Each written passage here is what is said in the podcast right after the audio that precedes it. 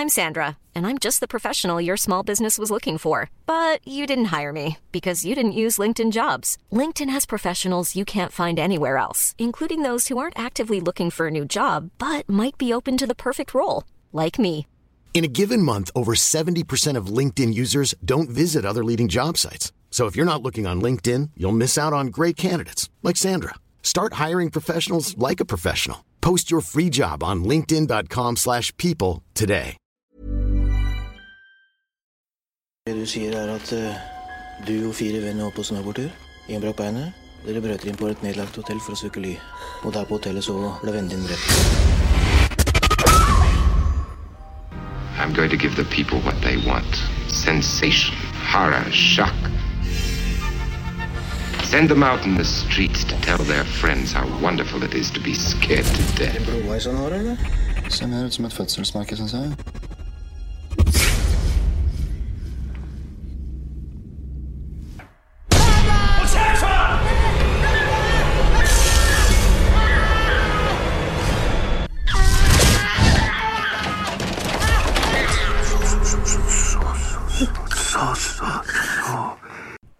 Välkommen till eh, skräckfilmscirkeln alla gutter och jenter. Och idag ska vi ta oss tillbaka till de norska fjällen för att möta fjällmannen som den här gången är ännu argare och ännu farligare.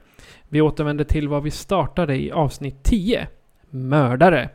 För att idag avklara uppföljarna Fritt Vilt 2 och prequellen Fritt Vilt 3. En underbar kombination för en filmkväll i norskt tecken. Nu när jag har sett alla filmer i Fritt Vilt-serien så kommer jag aldrig mer dra ett Norge-skämt. Eller vad säger du Fredrik? Nej, vi kanske har inte vill väcka eh, fjällmannens vrede. Så då kanske vi kan undvika det. Ja, idag kommer vi inte ha någon faktastund, kommer jag också säga. Det Nej. finns inte så mycket mer att säga om just eh, norsk eh, fjällskräck. Nej, eh, det är väl mer liksom vi beslutade oss för att när vi gör en film som har en uppföljare eller uppföljare eh, då eh, ska vi ta oss an dem förr eller senare. Och här är vi. Och här är vi nu. Och vi kommer på det här liksom lite eh, några episoder in. Och då eh, tyckte vi väl att ja, men det är ett kul koncept. Och så började ju det här med Hellraiser. Serien var väl den första som vi plöjde i sin helhet tror jag. Ja, och sen Texas Chainsaw Massacre. Jajamensan. Det var ganska massiva serier också. Det var väl en 6-7 avs- 6-7 filmer på varje. Det var ju det. Så det är ju, Hellraiser gick ju upp i 10 och Motorsågen var väl också upp i typ 8. Ja, 7-8 någonstans. Där tror jag. Så vi har ju betat av två väldigt stora franchises. Ja. Eh, Så nu tog vi en lite mindre, en trilogi här. Ja, till våra, oss våra nordiska grannar. Mhm. Men vi har ju fortfarande fler eh, sequels framför oss. Försöker komma ihåg vilka alla är. Vi har ju... VHS bland annat. Ja, VHS har vi ju film 2 och 3. Och det såg jag här i dagarna att en del nummer 4 är på gång. Åh, Tydligen. Så vi kanske... Vi väntar väl med den till som är att fjärde dyker upp. Om Ja. den dyker upp. Ja, det, det är alltså, den kommer nog inte komma på bio. Det låter det som en eh, direkt till, direkt till streaming dessutom. Säkert. Och sen har vi ju Evil Dead-filmerna att se fram emot. eh, Och vi har väl också... Ja, eh, en som jag inte ser fram emot men som vi faktiskt redan har avhandlat två i. Det är ju The Howling-serien. Ja. Vi har sett första Howling. Och så hade vi Howling 3 i ett julavsnitt. ja, och då är, vad är det då? Det är fem kvar att avhandla Nej, då. jag är osäker för den här de, de branchade ut rejält. Jag har för mig att det finns typ Howling 8 eller något sånt. Det finns åtta filmer allt som allt. Kanske nio rent utav. Tror du vi kommer vara vid våra sinnesfulla bruk efter det? Nej, säkert inte. Vi får tillbringa ett år, ett år på eh, så här, vad heter det, mental institution. Mhm. Men så har vi flera franchises som kommer dyka upp här framöver. Ja. Som en liten påminnelse det är ju att skräckfilmscirkeln började ju som en studiecirkel på ABF. Exakt. Och är fortsatt en sådan cirkel. Vi, eh, vi har kallat varje höst och vårtermin för varsin säsong. Eh, och nu till hösten ska ju vi starta då eh, säsong 14 utav skräckfilmscirkeln. Ja, och då ska man väl kanske säga att 13 vart typ stoppad efter halva. Ja, coronan kom in däremellan. Men då är det ju som att här i podden då så följer ju vi vad heter det, ganska kronologiskt, alltså de säsonger som vi har haft på ABF. Har du någon koll på hur långt vi har kommit i Ja, vi, säsongsvis? vi- vi är nu på näst sista avsnittet utav säsong 4. Blir Cool. det. Ja, då har vi 10 säsonger kvar att Vi bearbeta. har ju det, så det, vi, vi har ganska så mycket framför oss. Och vi, Ja. vi har onekligen de stora franchiserna kvar framöver som Halloween och Terrorn på Elm Street och Fredagen den 13 och liknande. Och så lite mindre franchises kommer också att dyka upp framöver. Och lite av de här större skåd... Skåd nej, regissörerna. Romero, Craven och company. Och sen ska vi ju säga att det kan komma önskemål också från lyssnarna och då kan, får vi göra ett avsteg från planeringen. Jajamensan. Och så Självklart. kommer vi också göra eh, små avsteg för att eh, ja, slutgöra alla sequels som dyker upp här emellan. För det, det kommer bara fyllas på successivt kan jag avslöja. Ja. Sen, Men nu- hop- sen hoppas jag lite längre fram på att vi kan få med några gäster också. Lite kunnigt folk. Jag tänkte vi har haft Prao-Julia och historiker Martin. Och Jajamän. det, vore, det vore intressant att få med dem igen på någon form av ja, specialavsnitt. Eller i något av de, av de befintliga. Mhm. Ja det. Så det, det finns mycket fortfarande framöver här. Det finns mycket kärlek. Men nu, nu ska vi väl avsluta då en utav alla våra sequels. Precis. Men innan vi börjar med det så tänkte jag vi kan prata om vad vi har sett sen sist. Eh, jag, har, jag har sett en hel del men jag har haft en seriös eh, tv-serie-bingeande. Oh no! Oh no! Så jag har tittat jättemycket på eh, diverse olika serier som inte varit så skräckfilmseska men jag vill ändå ge en shout-out till Goda Omen, God Omens. Underbar serie. Ja, som finns på Amazon Prime för den som vill se. Och det var väl en bok i grund och botten, ett samarbete med Terry Pratchett och Neil Gaiman har jag för mig. Eh, och jag tyckte den var jätterolig. Ja, den är, alltså David Tennant är ju... ja, och det är alltså, David Tennant som onde ängel är ju liksom fantastiskt. Plotten är ju då en ängel och en demon som har en osannolik eh, vänskap. Eller Ja. en ganska lite förbjuden vänskap. Eftersom att änglar och demoner får ju inte umgås med varandra. Eh, men... Eh, och sen... Är det då? Eh, vi får börja redan från Adam och Eva. Ja. eh, fram till modern tid då. Då i modern tid då har Antikrist fötts. Eh, och demonen David Tennant där får ju då i uppdrag att leverera Antikrist till sina tänk- tilltänkta adoptivföräldrar. Men så sker det ju ett misstag och ovetande så råkar, de ju slarva, han ju slarva bort Antikrist. så, så att han hamnar hos en helt annan familj. Och sen då eh, när pojken blir Ja, när han är 12 år eller något sånt där. Då ska apokalypsen starta. För det är någon ritual som går igång. Eh, och då blir det ju lite knasigt för då börjar ju både himlen och helvetet upptäcka att saker och ting är inte riktigt som det ska vara. Och ängeln och demonen där tycker väl att ja men det är ganska trevligt här på jorden. Måste vi ha en apokalyps? Exakt, vi kan väl umgås och ha det trevligt istället. Ja. Så jag tyckte den här var fantastiskt underhållande. Mycket humor och eh, ja...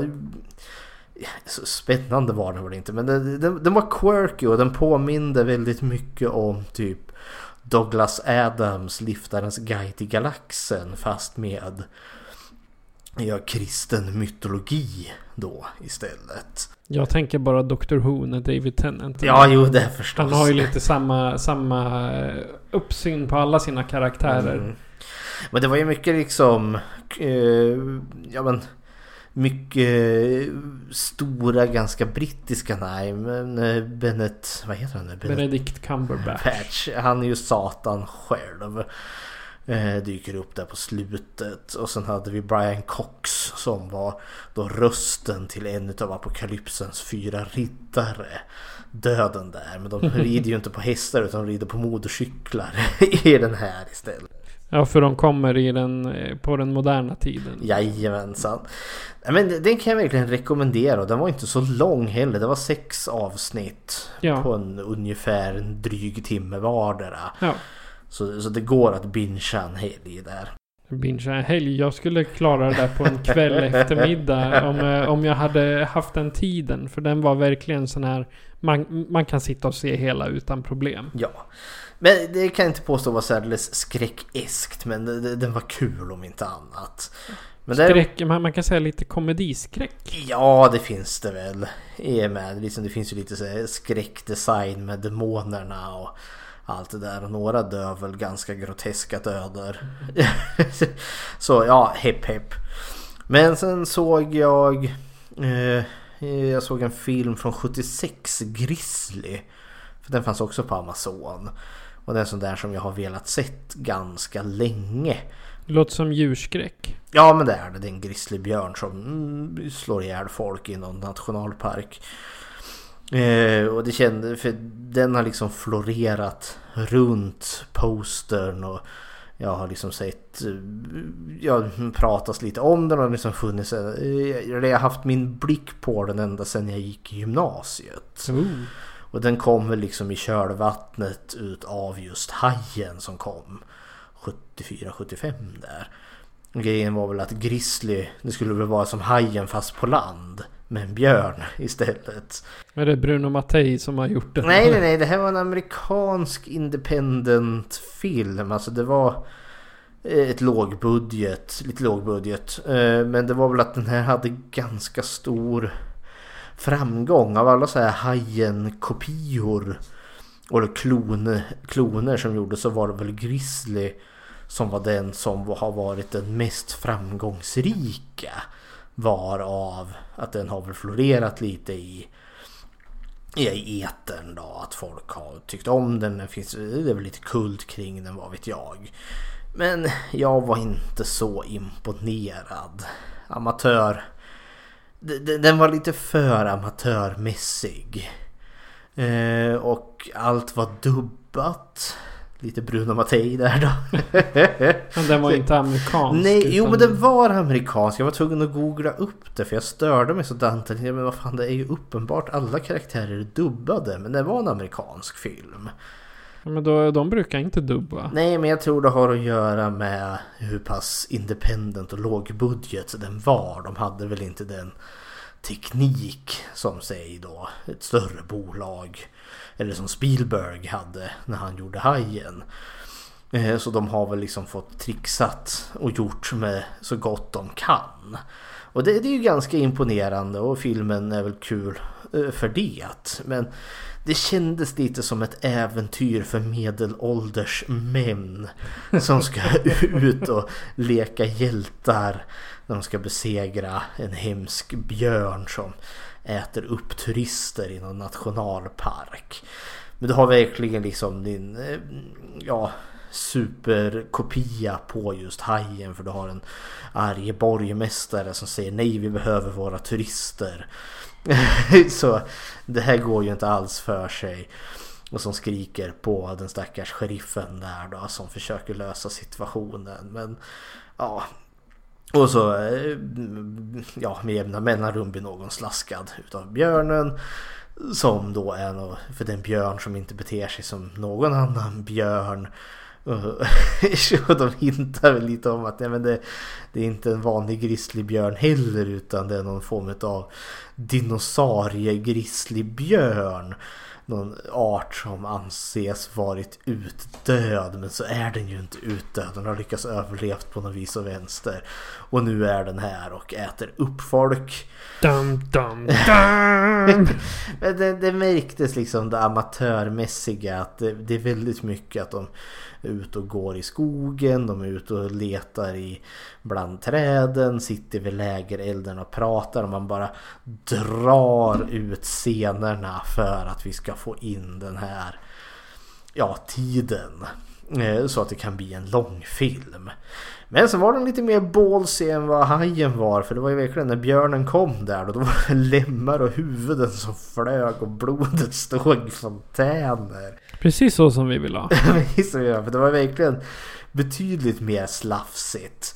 Men det var också så här att eh, den var också väldigt dum många gånger. För efter inledningsmordet då två tjejer blir uppätna. Då går, eh, ja mm, vad heter det, The Rangers. Par- Skogvaktarna. Skogvaktarna, ja men de ska ut och jaga björn. Med sina gevär och allt. Och de är ju då informerade. Men då är det en av de kvinnliga eh, rangerna där då. Hon lämnar gruppen för att oh, jag måste ju ner och bada. Så då liksom... Mitt under en björnjakt. Jajamensan, så hon är ju väl medveten om att det finns en farlig björn i skogen. Jag sitter här och skäms. Ja. och så eh, hoppar hon ner i sjön.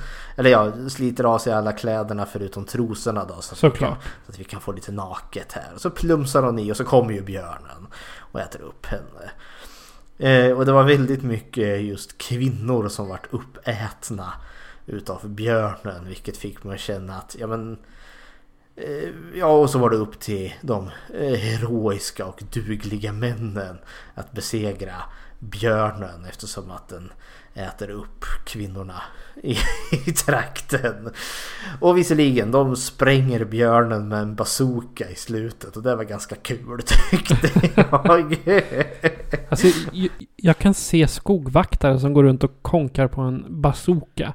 Det är något eh, udda. Nej men han lyckades få den från en krigsveteran där då, som Aha. hade varit ute och i Vietnam och eh, skjutit ner en massa vietnameser som han skämtade lite jobbigt rasistiskt om i Och så självklart så sparar han en bazooka då. Ja, ja men du vet, han hade blivit pacifist här nu efter att han hade skjutit ihjäl, vad var det, 300 gooks som han kallade det. Ja, gul, gulingar Ja, på svenska och det skulle vara lite, ja, och så var det lite grabbigt och ryggdunk där och jag satt och skämdes i soffan och tyckte det var jobbigt. Men som tur var, nu, det hade ju varit lite jobbigt så nu vart han ju pacifist.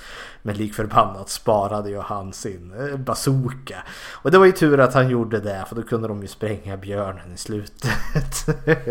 Alltså det låter, det låter, alltså innan jag har sett den så jag får upp eh, Don't Go Into The Woods Alone eh, scenerier med lika dumma karaktärer. Ja, så dum är den inte. Alltså jag skulle ändå så ge den här en utav av 1 till 5 så skulle jag ge den en, en trea i betyg. Det är, eller två och en halv. Alltså det är helt okej. Men Don't Go Into The Woods Alone Ett Eh. mästerverk. är, ju liksom genuint inkompetent. Och det var inte den här filmen. Men den lag, var- lagom för en chipskväll. Ja, typ sådär. Men den var ganska långsam och ganska tråkig. Så jag skulle rekommendera Don't Go Into The Woods Alone framför Grizzly. För Grizzly var lite mer långsam och tråkig. Så ja, men det är vad jag har sett. Japp, eh, jag har inte sett sådär jättemycket. Jag har inte haft tid. Men jag kollar på, eller jag, som, som jag sa för två avsnitt sedan, Mm. att jag börjar på Fear the Walking Dead igen från början. Och nu är jag framme på säsong fyra eh, från 2018. Så eh, det var typ där jag eh, slutade titta av någon anledning. Och nu, jag, jag visste redan innan att det skulle komma lite crossover med vanliga The Walking Dead. Och eh, nu i säsong 4 så kommer Morgan Ah. från eh, säsong 1 av The Walking Dead och blir en central karaktär. Det var inte dåligt. Ja, så han har gått ända från Atlanta till eh, västra USA, nej sö- södra USA, det vill säga mot Mexiko-gränsen där. Och Ingen dålig promenix. nej, han hade, som man såg i början på det avsnittet så hade han eh, bunkrat in sig på någon soptipp eller någonting. Och ett gäng ifrån eh, eh, The Walking Dead, Rick och två till kommer dit och försöker övertala honom att komma till deras ställe, vad det Mm. nu är. Nej, nej, jag, jag, jag är inte värd att vara där. Oh Typ. no. Han, han är jättedeprimerad och tycker bara synd om sig själv. Stackarn. Men eh, så han har blivit en ganska central karaktär. Och två, två utav huvudkaraktärerna har dött. Det är Nick och Allison. Nej, vad heter hon? Mamman. Ja, det är hon. Spoiler. Ja, mamman, mamman dör. Och, men eh, de, de, de vi- visar inte exakt. Utan där får man se bakåt i, eh, i, i flashbacks. Jaha, hon dör i en Så- flashback. Ja, nå, någonstans dör hon. Och för, för säsongen börjar efter de har dött. Så. Och det, det är lite jobbigt. Man, man får se vad som har hänt nu. Och istället för, ja. Ja, men så är det. Jag, jag gillar ändå Fear the Walking Dead bättre än, än äh, den vanliga. För det, det är zombies med hela tiden. Det är de, de är det största hotet. Ja, ja, istället Som för i, människorna. exakt, i The Walking Dead så är ju människorna hotet längre fram i serien så att Ja, men säga. guvernören och Negan och... Exakt. Och sen alla, alla människor som vill ha makten. Ja. Och sen då, jag har också haft eh, en serie som inte är direkt skräck. Mhm. Men eh, det är mera lite dokumentär och det är Horrible Histories. Det är en, eh, en BBC-produktion där de gör korta sketcher som de gör med, med humor och så, så berättar de om historien. Allt ifrån The Victorians fram till Stuart och ja, en, en massa korkade, eller korkade, det är verkliga händelser som hur man tvättade sitt hår med getpiss eller vad det nu kan vara. Men jag känner till Horrible History. Jag bodde ju ett år i, i Skottland, i Edinburgh. Då kan jag tänka mig att du såg det varje kväll. Ja, dagen. nej, alltså det, fanns en bokserie för det var mer riktat till barn. Horrible ja, History. det är det. Ja, och, det var ju också just för liksom det- fanns en historisk förankring men man fokuserar verkligen på det var som horribla och det som var dumt. Som typ korstågen och häxbränningar och med en viss komisk twist till det hela. Ja. Så det är bara roligt att höra att jag har fått en serie också. Ja. Ja, jag, har, jag har faktiskt alla böcker står i hyllan hemma. Eller de, de flesta av dem. Flickvän som samlar på dem. Ja, ja. Nämligen. Men jag- varför jag nämner det nu är för att jag fick se ett stort live-framträdande som de fick göra i Royal Albert Hall. Och det var inte dåligt. Ja, för i England så har man ju The Proms. eh, Mhm. Som är massa stora föreställningarna. Och de gjorde en egen. Jag kan tänka det måste ju ha varit fantastiskt roligt att göra något sånt. Alltså Mhm. att göra sketcherna överhuvudtaget. Ja, De, de tar upp så här dumma, stupid deaths kallar de det för. okej. Och de gör det som ett spelprogram. Eh, Folk som har skjutit sig själva i foten, blivit infekterade och dött. Liksom. Men inte det, finns inte en annan variant? The Darwin Awards. Ja, det finns Finns också. det den som folk som har förbättrat genpoolen genom att avlägsna sig från den. Det är också sådär helt horribla men också förfärligt dumma dödsolyckor som känns som att ja det här hade man nog kunnat förhindrat att ske. Ja. Och man, vet, man, man får också lära sig att, eh, nu vet inte jag vilket århundrade det var, men då sket man i en hink och så slängde man ut det på gatan. Ja, ja, genom ja, ja. fönstret. Så det, Men det kommer jag ihåg, i Edinburgh hade Eh, Edinburgh är ju liksom byggd kring eh, typ som en, som en bergsknall, liksom en stor kedja. Alltså den är byggd som en som en munk kan man väl kalla Alltså en flottyrmunk. Alltså hela stan är byggd runt ett berg. Och så själva hålet i, i, i munken är då liksom berget. Eh, så då slottet och sånt som fanns liksom, allt är ju byggt på höjd. Och ju, hö, ju bättre välställd det var desto närmare höjden bodde du ju.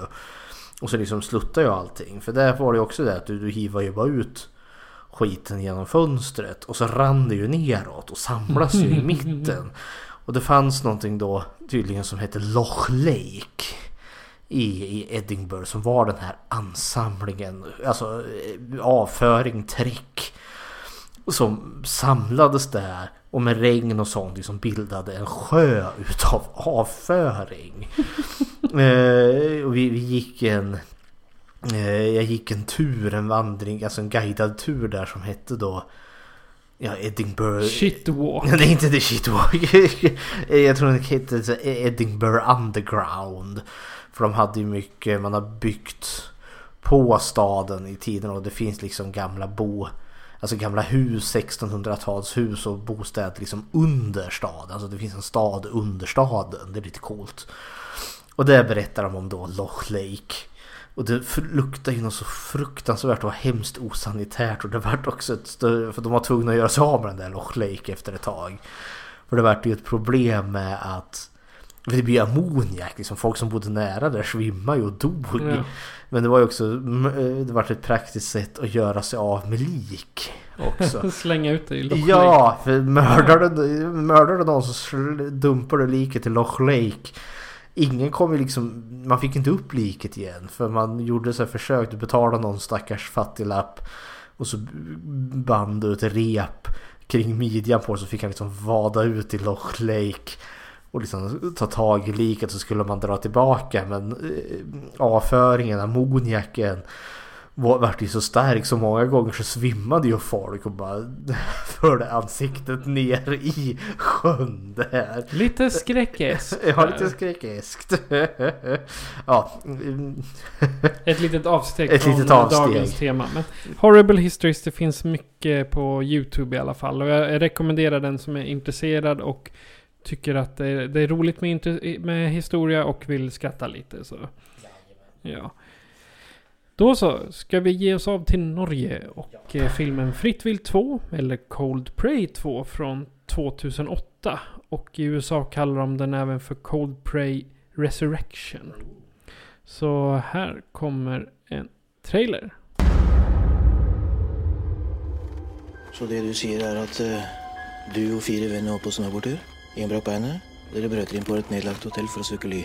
Og der på hotellet så ble vennen din drept.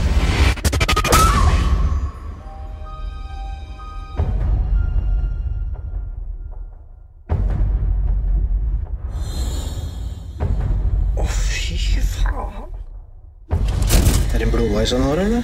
Ser mer ut som et fødselsmerke, syns jeg.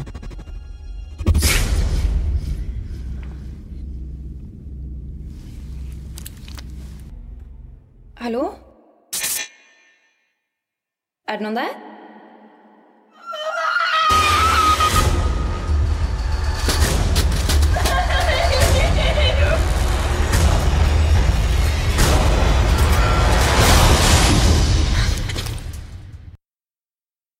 I Fritt vilt 2 har den enda överlevande flickan hittats. Nedkyld och svag när hon stapplande försöker ta sig i säkerhet. Hon körs till närmaste sjukhus ovetandes om att hon snart ska behöva slåss för sitt liv och möta mörkret igen. Det är en eh, självskriven plott till Fritt vilt 2 från 2008. Mhm. Vad är dina initiala tankar om detta norska mörka Dessa norska Mycket bra uppföljare. Eh, tycker jag. Eh, som håller liksom samma klass som första eh, filmen gör. Jag tänker här framöver för vi kanske ska köra en liten kort recap över första filmen. Det låter Men, bra. Eh, det kan vi köra efter vad du har för typ. Vad tycker du? Initiala tankar kring Fritt vilt 2? Alltså Fritt vilt 2 hade jag ganska höga förväntningar mm. över. Eftersom det är en direkt eh, fortsättning på den, den första filmen. Mm. Och jag hade liksom, där jag hade läst om den och trailern jag hade sett så skulle det vara rätt så mycket fart. Mm. Som trailern visade. Men eh, som, vi kan, eh, kom, som vi kommer komma till sen då så det är spänning med en liten twist för min mm. del i alla fall ansåg jag. Men om vi, om vi börjar med recap till film 1 då. Det kan vi göra lite snabbt för den som inte kommer ihåg. Eh, Fritt vilt eh, 2006 tror jag den gjordes. Eh, den var ju verkligen en slow burn och det är om fem vänner Eh, som har en snowboard. Eh, ja, de ska väl ha någon sån snowboard skidsemester, helg, weekend eller något sånt där. Något sånt. Eh, och sen är olyckan framme, en faller bryter benet och så måste de då eh, de det här övergivna fjällhotellet. Och tar skydd där över natten ovetandes om att den så kallade fjällmannen eh, som han har kommit att kallas i den här filmserien är ju en vansinnig mördare som bor i källarutrymmet och han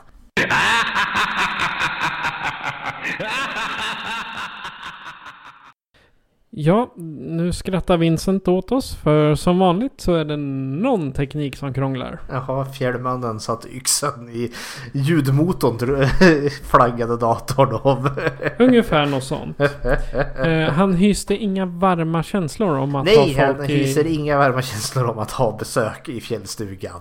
Och så mördar han dem en efter en.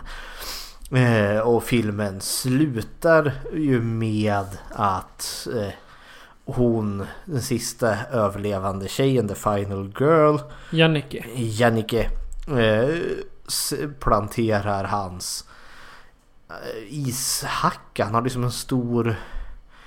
Alltså det ser ut som en... eh, Jag, jag skulle hävda att det är sån där man hackar typ guld eller kol i en gruva med för den ser så stor ut.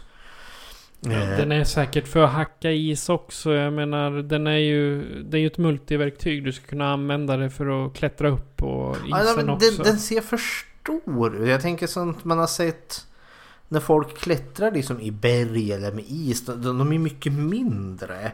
Medan han är liksom ett tvåhandsvapen han håller i med en stor blad i. Och jag tänker liksom, det är sånt jag sett på film när liksom folk står och just hugger i stenar. Och det, det, det kan ju vara något han har designat själv men det är ett sånt vapen han har. Exakt. Ungefär som mördaren i My Bloody Valentine. Han har ju också ett liknande vapen. Ja, han har säkert gjort den själv eller hittat någon för den som... Det, det är syftet. Ja, Han är Men ju stor till kroppsbyggnaden. han är ju måste- det.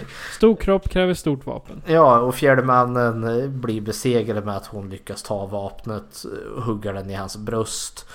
Och så faller han ju ner i en ravin där i glaciären. Där han också har dumpat liken utav alla vännerna. Och det är ju där den här filmen tar vid, Fritt vilt 2. Eh, och eh, jag tycker Fritt vilt 2 är en fantastisk uppföljare eftersom att jag gillar första Fritt vilt väldigt väl.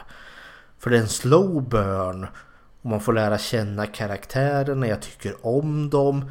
Eh, Det är välskrivet eh, och eh, ja, men lagom engagerande. Och det var första filmen. Den är ändå inte för tung den första. Nej, den utan är även om man gillar karaktärerna så blir det inte det här att poetiska eh, som det kan vara ibland i de här filmerna. Att det är så poetiskt allting. Och det Eller på- påklistrat Ja, liksom, det falskhet.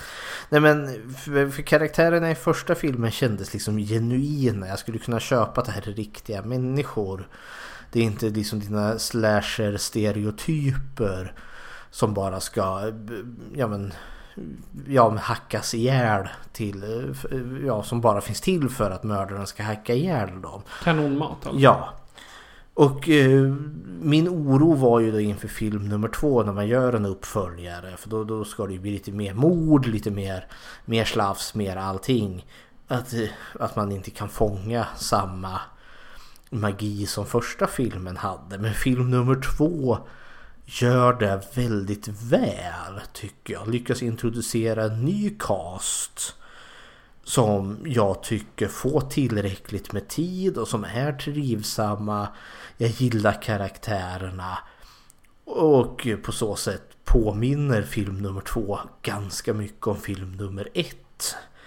Eh, så film nummer två är väldigt jag är väldigt positivt överraskad om den. Ja. Och den och eh, film nummer ett är en bra double bill att titta på på en, en och samma kväll. Ja också. gud ja, för de, det, det är ju lite halloween känsla här. För liksom halloween från 78 88 och sen Halloween 2 från 81 utspelar ju sig på samma dag mer eller mindre. Och det gör ju Fritt Vilt också för det är liksom ja, kvällen eller dagen efter så tar ju liksom film 2 vid.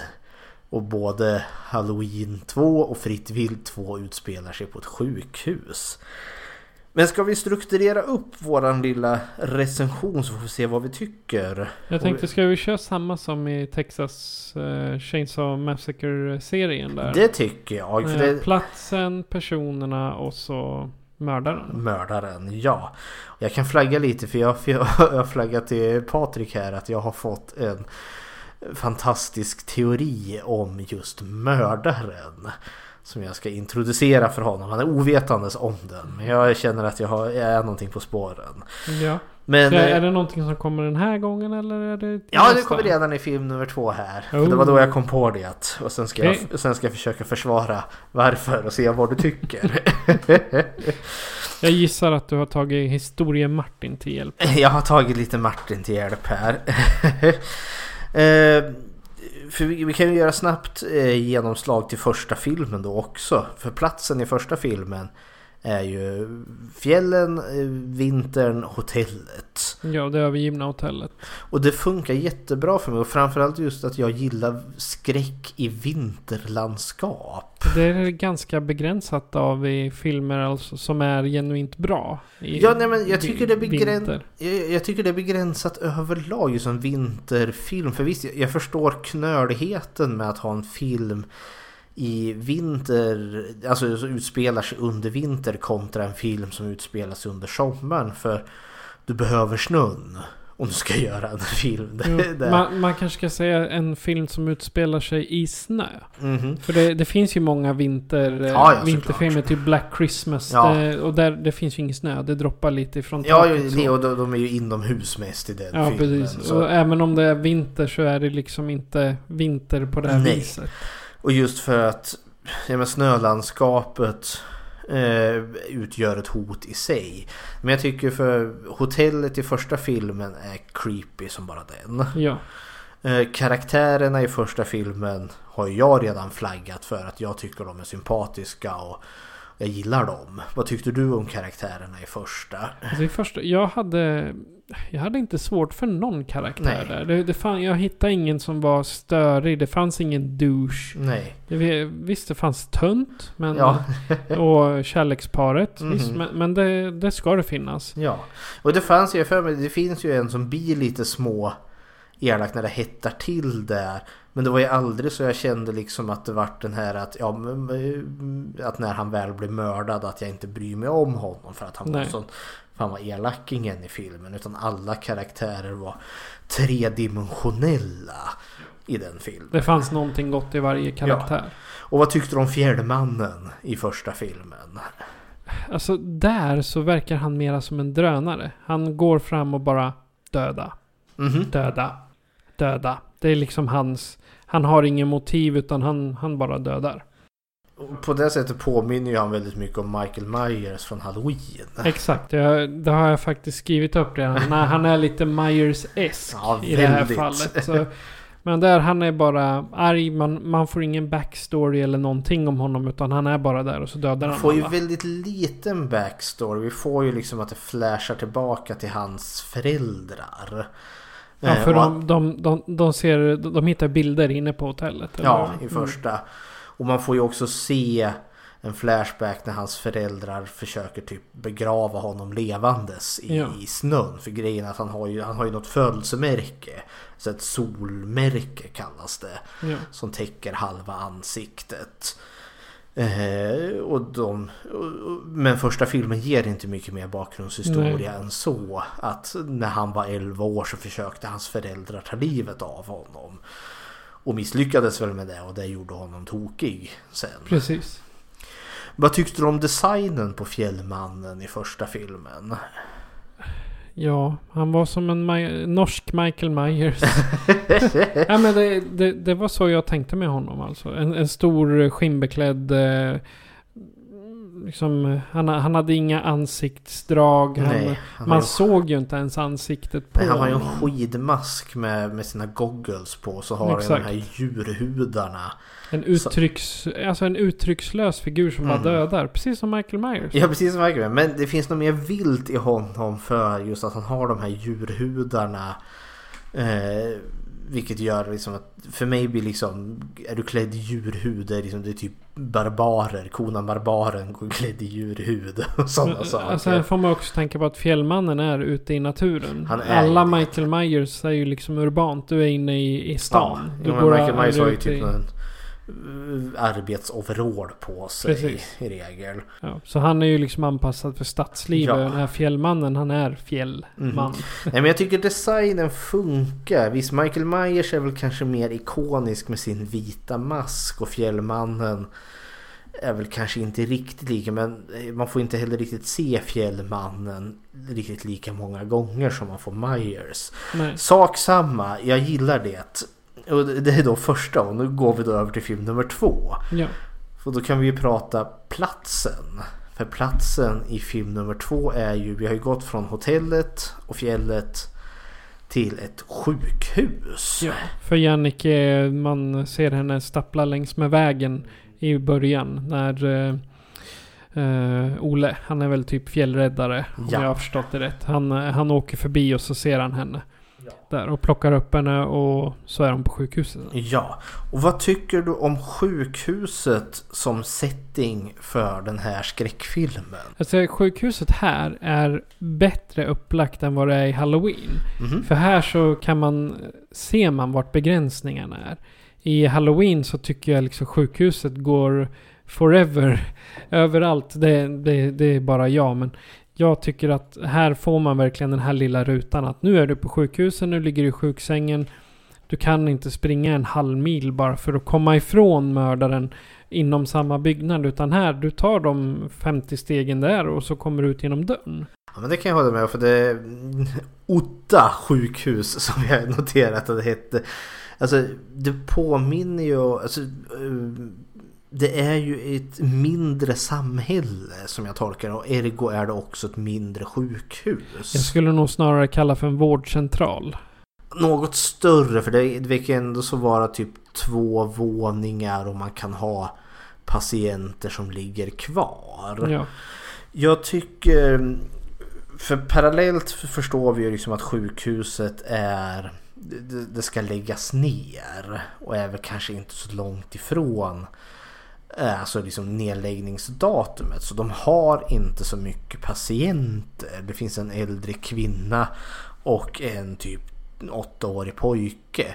Ja.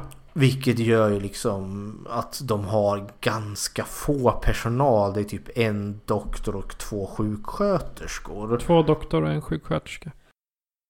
Ja just det, Camilla är... Hon är ju Camilla och ehm, Herman. eh, Herman, ja. De är läkare båda. Ja, och Audhill var ju då sjuksköterska. Precis. Ja, så var det. Ja, men för sjukhuset blir ju en väldigt ödslig plats. Det är ju väldigt långa mörka korridorer. Det är ju för att det är på väg ner så det... Dels det. Ja. Eh, och för mig funkar, alltså sjukhus är för mig en ganska det går lätt att göra sjukhus till en obehaglig plats. Det är sterilt och allt det där. Och sen, alltså det här sjukhuset, Otta sjukhus i Frittvill 2 är liksom, de, de har fått till små detaljer rätt. För exempelvis när Jannike läggs in på, efter att de har hittat henne där och polisen intervjuar henne. Eh, så noterade jag, vad heter det, eh, gardinerna. Eh, som såg, det, det var liksom, det var brungula gardiner som bara skrek 70-tal för mig. Och då tänker jag, ja, ett sjukhus, ett mindre sjukhus långt upp i Norge. Ja, det kanske inte har utvecklats så mycket. Alltså rent tidsmässigt. Och Nej. sjukhuset är gammalt. Och jag gillar det. Eh, för då känns det liksom som att ja, men jag kan förstå för det här. Det har liksom stått där sedan 50-talet eller tidigare ändå. Och nu är liksom sjunger på sista versen. Eh, och det har de här liksom inte sterila färgerna direkt utan det är liksom den här liksom ljusbrungula väggen. Ja, kräk, kräkrosa brukar de, eh, brukar de vara i, i alla fall på svenska sjukhus. Jaha. De, de sjukhusen jag har varit på. Eh, alltså det, det här, jag, jag tycker om settingen. Det, vi har gått från eh, det ganska, alltså det tomma nerfallna hotellet till ett eh, ja, nedläggningshotat sjukhus. För, I sakta förfall måste I man väl sakta nästan förfall. säga. Eh, och det funkar för mig. Ja. Eh, Settingen är jättebra. Ska vi hoppa till våra karaktärer? ja, det tycker jag. Ja. Eh, Våran kanonmat för den här filmen. ja större, större delen av dem i alla fall. Ja, för den här filmen har ju betydligt mer karaktärer än vad första filmen hade. För då är det ju verkligen de här fem ungdomarna och så fjällmannen då. Ja. Och här har vi ju en hel polisstyrka och Ja. fjällräddare, läkare, sköterskor. Ja. Eh, och jag vet inte, alla behöver vi kanske inte nämna vid namn för många av de här poliserna vart för mig lite anonyma. Eh, som mest fanns med där för när, när massakern sker på slutet. Men eh, vi kan väl ta eh, kanske våra eh, våra, för vi har ju två huvudkaraktärer i den här filmen. Två final girls. Ja. Eh, och vi kan väl börja med eh, den nya tycker jag. Camilla som jag missbedömde som sjuksköterska men som Eller- en doktor. Marte Snorresdotter Rovik. Ro... Vilket roligt namn. Vad tyckte du om henne som karaktär? Alltså jag tyckte hon var... Hon är den här tuffa läkaren, tuffa vuxenläkaren. Men när de väl får panik då låser det sig totalt. Och då var jag jätteirriterad på henne. För jag liksom... Men för, för bövelen skärp dig nu. Du, måste, du kan inte bara sitta där och skrika. Men Jannike kommer ju och försöker få med henne ut och hon Mhm. bara skriker och skriker och skriker och... Mhm. Ja, hon, får, hon går ju... Alltså det är som att hon går i affekt. Hon blir ju tokig. Och det, det var irriterande för mig. För Oj. då... Hon passade inte in som en final girl då. För final girlen är ju den som blir tuff. Som liksom reser sig trots alla smällar. Men den här, det första som händer när hon ser en skada är att börja gapskrika. Det Ja, irriterade ska, mig. När du säger ska ska man ju komma ihåg att det första gången då är det liksom... De menar ju första gången det blir ett mord. Ja, ett mord ja. ja. Men fortfarande så det här att, sit, att sitta skrika och sen bara neka. Kom vi måste fly. Nej! boo." det, nej då, då irriterar jag mig på en karaktär. Och då vill jag bara att hon ska dö. Kära någon. Ja men det vill inte jag. Jag tycker att eh, för Camilla och Jannike är våra final girls i den här filmen och de kompletterar varandra. Ja. För tänker du till... till för, för de gör liksom en omvänd resa. Eh, när Jannike dyker upp i början. och Nu kan vi prata om båda karaktärerna här då. Ja, vi kan när Jannike, knyta dy- ihop dem. när Jannike dyker upp i början är ju då efter att hon har tagit sig ner från hotellet. Eh, efter att hon har besegrat fjällmannen. Eh, och hon är chockad. Eh, alla hennes vänner är döda. Och, de, och hon får ligga där i sängen. Och hon är ganska fragil. Ganska, alltså, hon, nu börjar liksom chocken över allt hemskt som har hänt komma tillbaka till henne. Och hon är ganska skör. Och då är ju Camilla den ganska starka karaktären. Här. För dels för att hon vet vad hon ska göra. Och, och ändå så samtidigt går hon lite utanför boxen. För jag gillar ju konceptet här med den här lilla, lilla byn som får den här berättelsen. För grejen är ju den att polisen åker ju upp och undersöker vad Jannike sa om den här ravinen och hittar ju hennes döda vänner och fjällmannen som man då tror är död. Ja. Eh, Och tar ju dem till sjukhuset, Otta sjukhus och lägger dem på bårhuset. Eh, och så det är ju en ganska exceptionell händelse i en liten stad där ingenting händer. Och de verkar ju inte ha någon rättsläkare heller för de skickar in en sköterska. Ja, nej men jag, jag köper det för i sånt här litet samhälle har man säkert inte det. Och jag för mig de ringer väl och säger ja men vi ska väl flyga upp någon får vi höra från polisen där.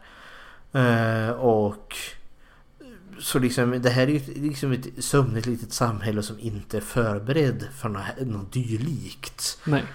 Eh, och för då Camilla är liksom den som fungerar, håller huvudet kallt. Här i början och är ganska professionell och... Eh, Då är hon ju läkare, eller hon är läkarstuderande. Ja det är hon. Hon är ju inte fullfjädrad. För det finns ju en annan läkare där som då heter Herman. Som jag tänker är hennes mentor eller något sånt där. Ja, Och han eh, verkar... han är så- lite eh, hutta-hutta på henne Ja också. det är han. det blir inte så mycket av det men vi förstår att det finns att han har lite känslor där. Men han känns också som att han, han lägger väldigt mycket ansvar på Camilla genom att oh, nej men, någon måste ju informera Jannica om att nu har vi hämtat dina vänner och, och sådana saker. Så han ger liksom det här emotionellt tunga till Camilla hela tiden. Ja. Herman är typ den enda som jag störde mig på utav de tre karaktärerna. För de, de är ju ganska centrala de tre. Ja, Herman var den enda jag störde mig på. För jag tyckte han var lite mansgrisig, lite svår Ja. att tolka. Han var inte den här... Alltså han, tyckte jag inte om. Han, han grät jag inte när han dog. Du man säger det. så. Jag, jag tyckte, jag, men jag, jag plockade också upp på det att Herman var mer Borbus, eller jag, han var den mer otrevliga utav de två. Ja. Eh, men han fick också, vad heter det, nyanser. Eftersom eh, ja, men, eh, han, han får ju också en ganska fin pratstund med Camilla där, där han faktiskt börjar, ja, du kommer bli en riktigt bra läkare där. Så han är ju liksom inte bara otäck. Eller eh, otäck är han inte, han är lite gåpåig. Eh, Men han, är, han, han framstår för mig mer som en ganska sträng mentor. Eh, Men inte som den här douchen just som det här att han är lite betuttad i henne. Det är ju inte så att han trycker upp henne mot en vägg och liksom klämmer och känner. Nej, nej. Utan vid ett tillfälle så smyger handen lite närmare hennes hand. Men så blir det inget mer än så. Nej, för hon är ihop med Ola. Hon är-. Hon är ju det. Det jag gillade med Camilla var att hon kunde ju tänka lite utanför boxen. Eh, var ju liksom när Jannike ligger och är i chocktillstånd. Och alla hennes döda vänner ligger nere på bårhuset. Och då gör hon ju någonting som jag antar är synnerligen icke okej. Och det är att hon frågar om Jannike vill gå ner och se sina döda vänner. Eh, och Jag, ty- tror inte ens att det är, alltså, lagligt eller någonting. Nej, det, det känns som att hon gör någonting garanterat fel där. Men det leder till en utav vad jag tycker är en väldigt bra scen överlag. Väldigt bra spelad framförallt. Ja, för jag köper det liksom att ja, men Jannica får ner och ser sina döda vänner, sin döda pojkvän.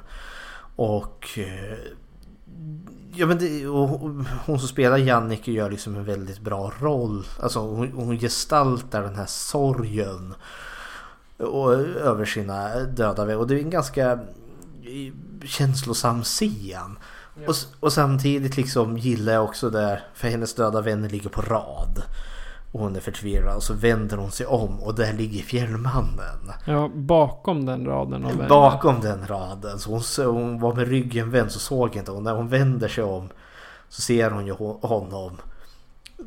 Då, då i tron om att han är död. Jag gillar just att hon blir arg. Och springer fram och liksom skriker jag hatar dig. Och så står hon och slår på liket. Eh, nej, men jag gillar det. Det kändes autentiskt överlag. Ja. Men det jag tänkte säga, Camilla och Jannike de, de, de byter roll. Camilla är stark i början. Ja. Jannike är svag i början. Sen när fjällmannen ploppar till liv och börjar mörda folk på sjukhuset. Då vänder det. Ja, men då- är ju då är Camilla utanför sin roll. Hon, Ja. hon är inte stark som person. Nej, Hon är stark som läkare. ja. Men då när han vaknar igen, då, då är hon ju inte läkare längre. Utan Nej. Då är hon liksom en patient. Ja, och liksom under hot ja. också från Fjällmannen. Och Jannike har ju varit med om det här förut. Måste man ju Ja. komma ihåg. Men Jannike går liksom in i den här liksom stridsrollen. Och liksom då blir det hon som liksom tar kommandot. Och Camilla är ju inte helt utan Klo för hon spelar ju ändå en ganska viktig roll precis i slutet. Ja. I besegrandet av Fjällmannen. Eh, Ole. Pojkvännen där ja. Eller, jag har inte riktigt förstått det, men är han typ fjällräddare eller någon form av ranger eller... Jag tolkade till det. Han har någon form av connection till poliserna. Ja, för han har ju en röd bil, så jag tror att han är typ fjällräddare. Ja. Han är nog inte polis i sig, utan... Eh, Han är ju pojkvännen till Camilla. Eh, och jag förstår att det målas upp om att han han, är, han gillar djur och natur och eh, Lovikkavantar och mm, traska i fjällen är det bästa som finns. Och Camilla är väl hon har fått ett jobb i Oslo. Eller en möjlighet till någonting i Oslo och vill flytta dit. Alltså hon vill till storstaden. Ola, eller Ole, vill stanna kvar. Han, han är en trivsam karaktär tycker jag. För, för han får inte så mycket. Han är med i början. Ja. Och sen försvinner han ut ur berättelsen ganska lång tid och kommer tillbaka närmare slutet. Ja. Eh, trivsam karaktär, liksom trovärdig. Det kommer jag säga om alla karaktärerna. All, det finns ingen karaktär som jag inte, som jag inte tycker är äkta. Alla karaktärerna känns, ingen känns som att en dålig stereotyp. Nej, och ingen av dem känns som att de är liksom påhittade, påhittade utan de skulle kunna finnas i verkligheten. Ja, Eller känns, en, en person skulle kunna vara exakt. de känns autentiska. Eh, poliserna då? Eh, vi har ju egentligen de två poliser... Eller ja, förlåt, nu går jag vidare. Vad tyckte du om Ole? Ole var... Alltså Ole är den här lilla... Det, det är som du sa, han försvinner kvart in i filmen och sen kommer han när det är typ 20 minuter kvar. Ja, För det, det man ska tänka på är att det är ju säkert en 40 minuter som bara är spänning. Det är liksom, det händer ingenting utan allting är bara... Man kan säga, det är musiken som gör allt. Det var det, när jag gjorde trailern så har jag klippt ihop en tre minuters trailer har jag klippt ner till en minut. Ah, för att det var liksom bara musik och bild. mhm. Så eh, Ole, även om hans, hans karaktär är den här laid back och lite tuffa. Eller han är inte tuff, han är, han är liksom, han bara är. Men han, han är inte med, alltså, han, är, han är en autentisk karaktär men han har liksom inte så mycket, det finns inte så mycket att säga om han. Nej, han, är, han ska vara ett försök till att se ut som en hjälte. Men jag skulle nog kalla honom för kanonmat. Ja, men han blir ju det, så han är ju tilltänkt ofta. Och det här är väl också i och med att vi har en större ensemble här så har vi inte riktigt lika många vi kan spendera tid med. Vi har väldigt stor ensemble. Ja. Eh, två kara- eller det- finns väl tre karaktärer kvar egentligen värda att liksom kanske prata om. Och det är ju då polisen Sverre och sjuksköterskan Audhild. Och så pojken Daniel. Ja, pojken Daniel och så har vi ju polischefen Einar också. Eh, men Sverre och Audhild, eh, de ska ju vara det här liksom, de, blir ju det gulliga paret. För polisen Sverre han blir ju kvar eh, på sjukhuset för att liksom finnas, ja men jag antar liksom att det är någon rutin efter att Ja, de har han vaktar, eh, han vaktar Jannike. Ja, det gör Helt han. enkelt. Eh, och Audhild är ju sjuksköterskan och Sverre tycker väl att Audhild är lite söt och eh, börjar liksom, ja men lite, lite tafatt flörta med henne. Eh, och båda är, alltså det, det är lite puppy love. Ja, det, det är lite så här högstadie... högstadiekika och krysta fram ett försök till att skapa konversation och... Men och jag, jag gillade det jättemycket Mm. för det är verkligen det gulliga paret. Ja, det är det. Det är Och de är trivsamma båda två. nästan kärleksparet. Ja men det känns som att de är precis i början på något. Jag kan liksom se i en sån här liten småstad. Liksom nu, de hittar varandra det, det, det finns en liksom blommande kärlek. Det kan bli någonting väldigt bra. Det blir det inte eftersom att fjällmannen kommer emellan. Nej men återigen väldigt lyckade trivsamma karaktärer. Eh, som betyder någonting. Vilket gör att deras död betyder också någonting för mig i alla fall. Det påverkar handlingen. Ja. Eh, polischefen Einar finns ju för mig mest med liksom för att han har ju här får vi någon återkoppling om att Fjällmannen har ju varit där under väldigt lång tid för han verkar ju dra sig till minnes till någonting som går långt bakåt i tiden och gör ju kopplingen till det här föräldraparet. Som Ja, och försöker- x antal mord som har varit också. De har Ja. ju hittat massor, eller folk har ju försvunnit i massor där. Ja, och han börjar väl liksom koppla ihop. Det är som att man får följa lite långsamt att ett ljus tänds i hans sinne och förstår att den här fjällmannen som ligger på sjukhuset med största sannolikhet är skyldig till det här. Jag vet mer än du tror. Ja, och det är väl lite hur som han figurerar som. Eh, sen har vi pojken, den här åttaåriga pojken Daniel med sin brutna arm. Och Jag, vet- det, det jag inte förstår är varför lämnar mamman honom där? Ja, ja, man får en viss hint över liksom att ja, men mamma lämnar mig här och jag tolkar det lite som kanske dåligt föräldraskap eh, där för han har eller att hon, hon är ensam. Jag, jag känner att filmen hintar lite om att morsan kanske inte är den bästa av morsor. Hon har dumpat grabben på sjukhuset Med en bruten arm. med en bruten arm för, ja, så, som någon form av barnvakt. pojken, jag gillar pojken. Barnskådespelare är alltid vanskligt för mig, för man vet aldrig. Man vet inte vad man får. Nej, han, det, det lilla han är med funkar. Jag upplever också att han funkar som någon form utav att få Jannike att kicka igång, liksom att, att få ut henne ur, sitt, ur sin sorg och bli lite mer aktiv. Som en startmotor. Ja, det blir lite så. Hon kan fokusera på jag måste faktiskt hjälpa den här pojken för annars kommer fjällmannen att mörda honom. Eh, och det tänker jag, det är också en sån snygg återkoppling till första filmen för hon är liksom den drivande i den. I men- kampen mot honom. Ja, när vännerna panikar eh, så är det hon som klarar av att hålla huvudet kallt. Hon som gör motstånd. Ja, och hon måste också... Och inte bara det, hon måste liksom planera sin och andras överlevnad plus att hon måste komma upp någon plan med att besegra fjällmannen. Och det känner jag blir lite återkoppling i den här. Hon måste liksom... Ja, och det tycker jag pojken fungerar som. Att då plötsligt kickar liksom Jannike igång igen. Det blir lite hennes eh, modersinstinkter Ja. egentligen. Eh, sen finns det en liten, det finns en gammal tant också. Ja. hon, var, hon var mest rolig tyckte jag. Hon, hon fungerar rolig och lite läskig också. Eh, för det är en dement liten tant som finns där.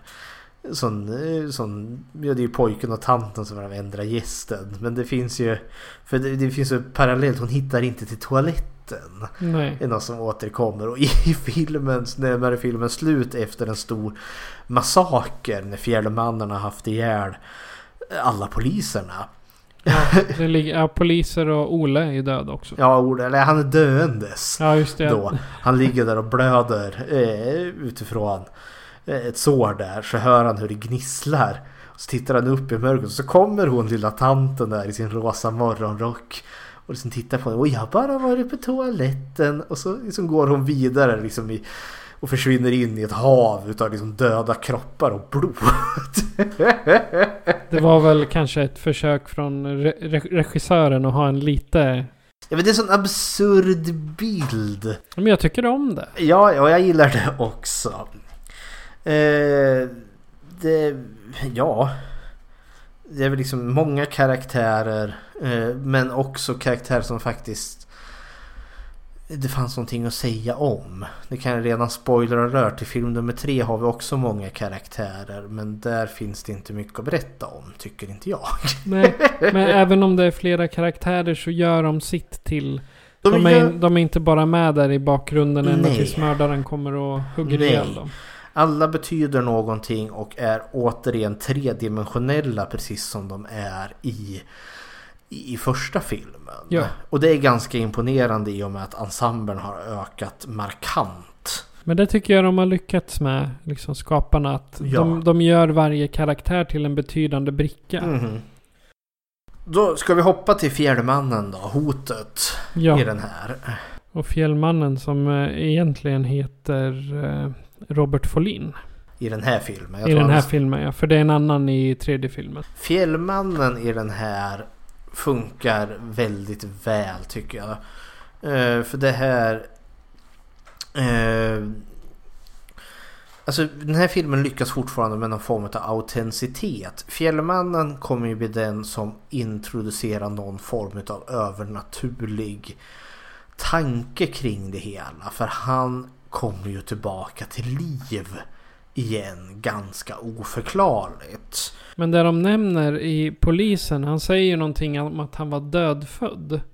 Ja, vi kommer till det. Alltså, det. Det är det som är ännu mer i det här övernaturliga. För jag tycker att man hintar ganska vilt åt att det finns en övernaturlig twist till honom.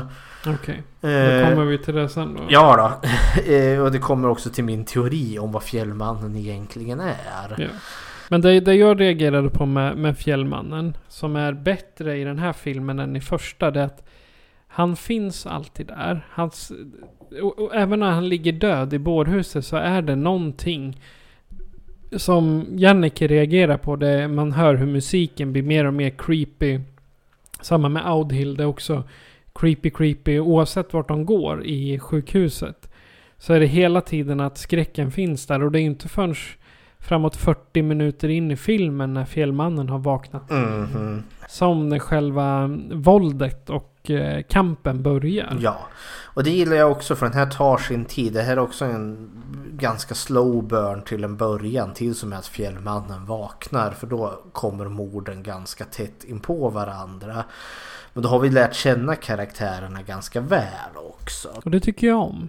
Något jag verkligen vill ge den här filmen nu när jag såg om den som jag gillade i just den här autenticiteten är ju att eh, när fjällmannen vaknar till liv är att, för det sker ju på bårhuset, Audhild är där och går väl igenom liken där så har hon kommit just till fjällmannen. Och då börjar han, tar han plötsligt ett andetag. Och så börjar han liksom få kramper. Och istället liksom för liksom, man tänker som i en skräckfilm då att hon skulle eh, stå där och skrika. Så kickar hennes professionalitet in. Alltså hon slår på larmet och eh, Camilla, alltså doktorerna Herman och Camilla kommer springandes. Och måste och börjar göra liksom eh, livräddande på honom.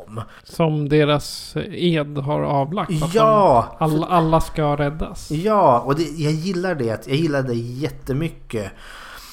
Eh, och visst, Jannike eh, blir ju helt frustrerad såklart. Nej, Men hon, hon hör ju tjutandet och går för att kolla. ja, Vilket hon egentligen inte skulle få. nej.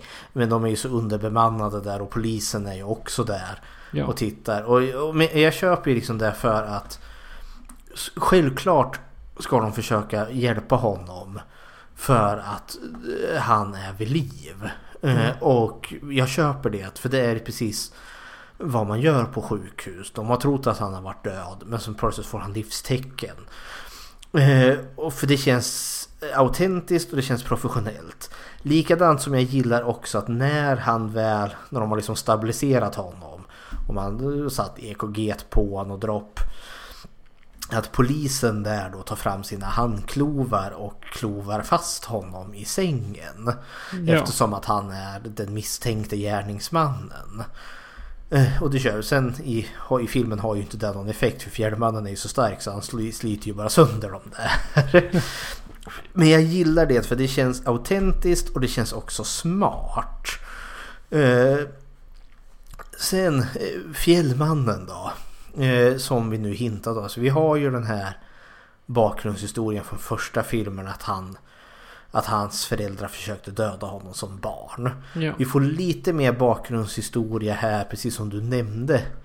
Att eh, för polischefen Einar besöker upp byns doktor, en äldre man. Och han var där och förlöste fjällmannen och sa att han var dödfödd. Eller alltså pojken blev, den pojken blev aldrig normal. Nej. För att han var nämligen dödfödd. Och doktorn skrev på dödsattestet och allt sånt där. Men fyra timmar senare vaknar plötsligt pojken till liv. Det, man får väl förklara då att det är därför han har det här eh, alltså födelsemärket på öga. För den delen av huden hade hunnit börja dö.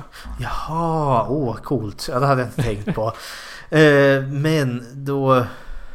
Ja, det funkar väl inte heller. Eh, Kroppen väl död, då är väl hela kroppen död. Det är inte bara så att den dör stegvis. Men, jo, den, alltså kroppen, när du dör så säger du inte bara så stängs allting av. Utan kroppen stängs sakta men säkert av. Ja, okej. Så att eh, hjärtat eh, slutar slå men dina lungor fungerar och det kanske tar ett tag innan din matsmältning slutar fungera. Så att en kropp stänger ju inte bara av som på film rakt av utan det tar en stund innan alla maskinerier har stängts av.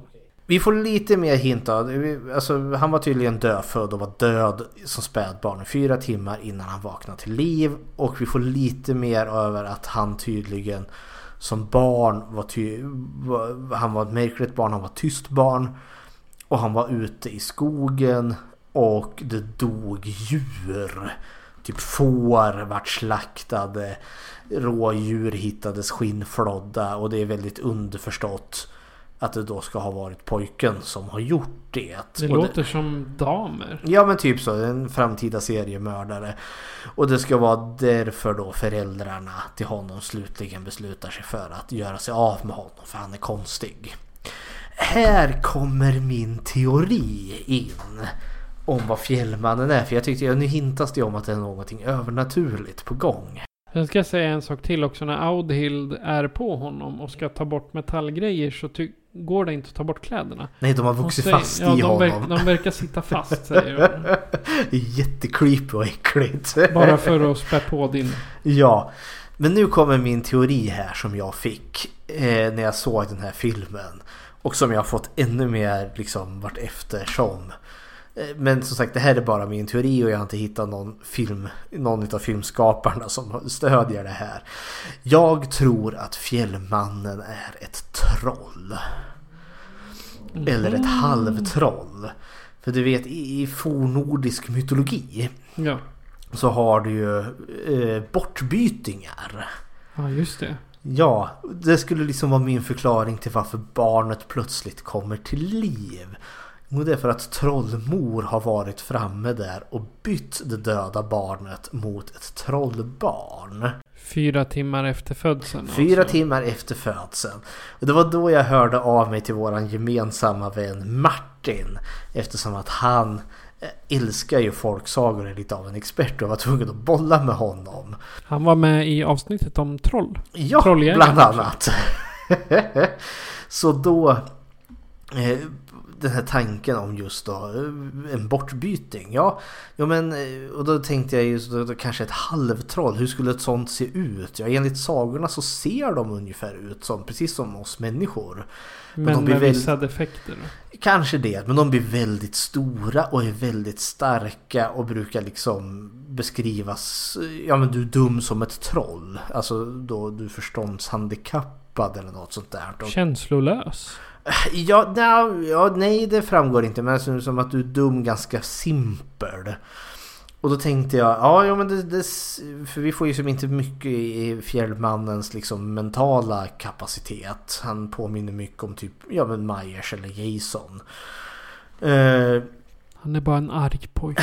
ja. och, eh, och då tänkte jag, ja.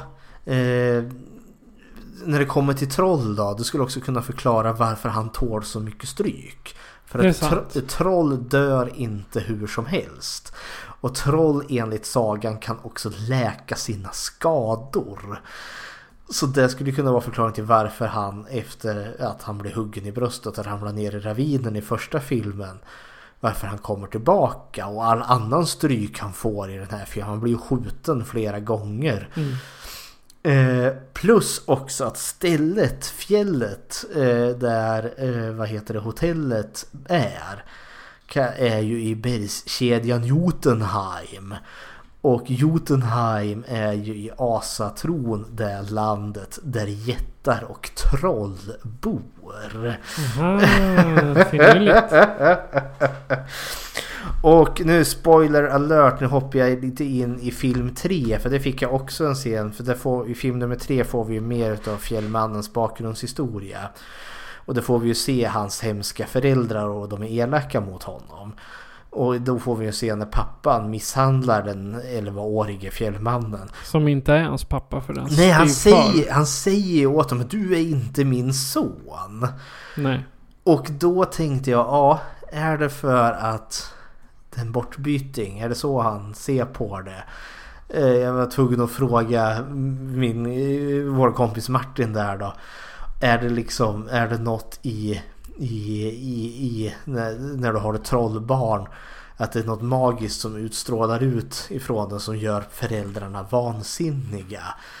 Eh, och och Martin sa ja det, det kan bero på trollmor i sådana fall. För trollmor är, är, är elak och kastar någon förbannelse. Men så brukar det också vara det att trollbarn i mytologin ska du vara elak emot. För då kommer Okej. trollmor tillbaka och hämtar dem. Aha. Men säg då att trollmor kanske inte längre lever. För de här föräldrarna var ju elaka mot pojken. Då kan inte hon komma tillbaka och rädda sitt barn.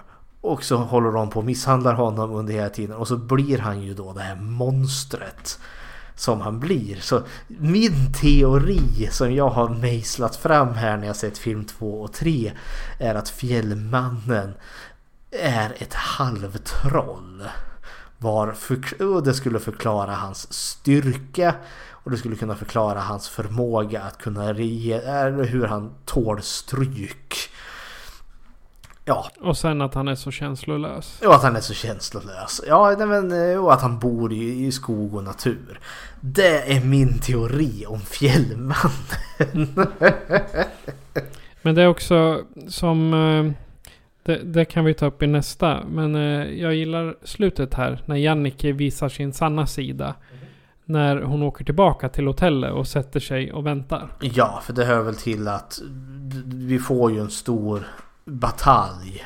Ja, på ungefär två och en halv minut. Ja, nej men och han... Eh, liksom där hon vis... För han blir ju besegrad utanför hotellet blir han ju skjuten. Eh, bara för att... Utanför sjukhuset. Ja, utanför, utanför sjukhuset. Ja, och eh, ser att han är borta sen. Och Jannike förstår att ja, men han är på väg tillbaka till hotellet. Ja. Och hon kunde lika gärna låta det vara där. Men beslutar sig för att nej. Det här måste få ett slut. Och det gillade jag också liksom att hon, hon tar kommandot över sin berättelse. Hon blir nästan lite som Jamie Lee Curtis i Halloween där när hon eh, sätter upp, eh, så här, put up a fight mot eh, Michael Myers. Ja, nej men det är liksom nog är nog. Nu Ja. är det inte han som jagar henne utan nu är det hon som jagar han. ja. ja, hon gillrar ju en fälla uppe vid hotellet det- innan det tar slut. Nu är det någonting alltså, jag funderade över som jag tänkte, hur tänker du här? För alltså, jag får ju en tanke över att alltså, Fjällmannen är... Vi, vi har ju hans tragiska bakgrundshistoria över hur illa han blev behandlad.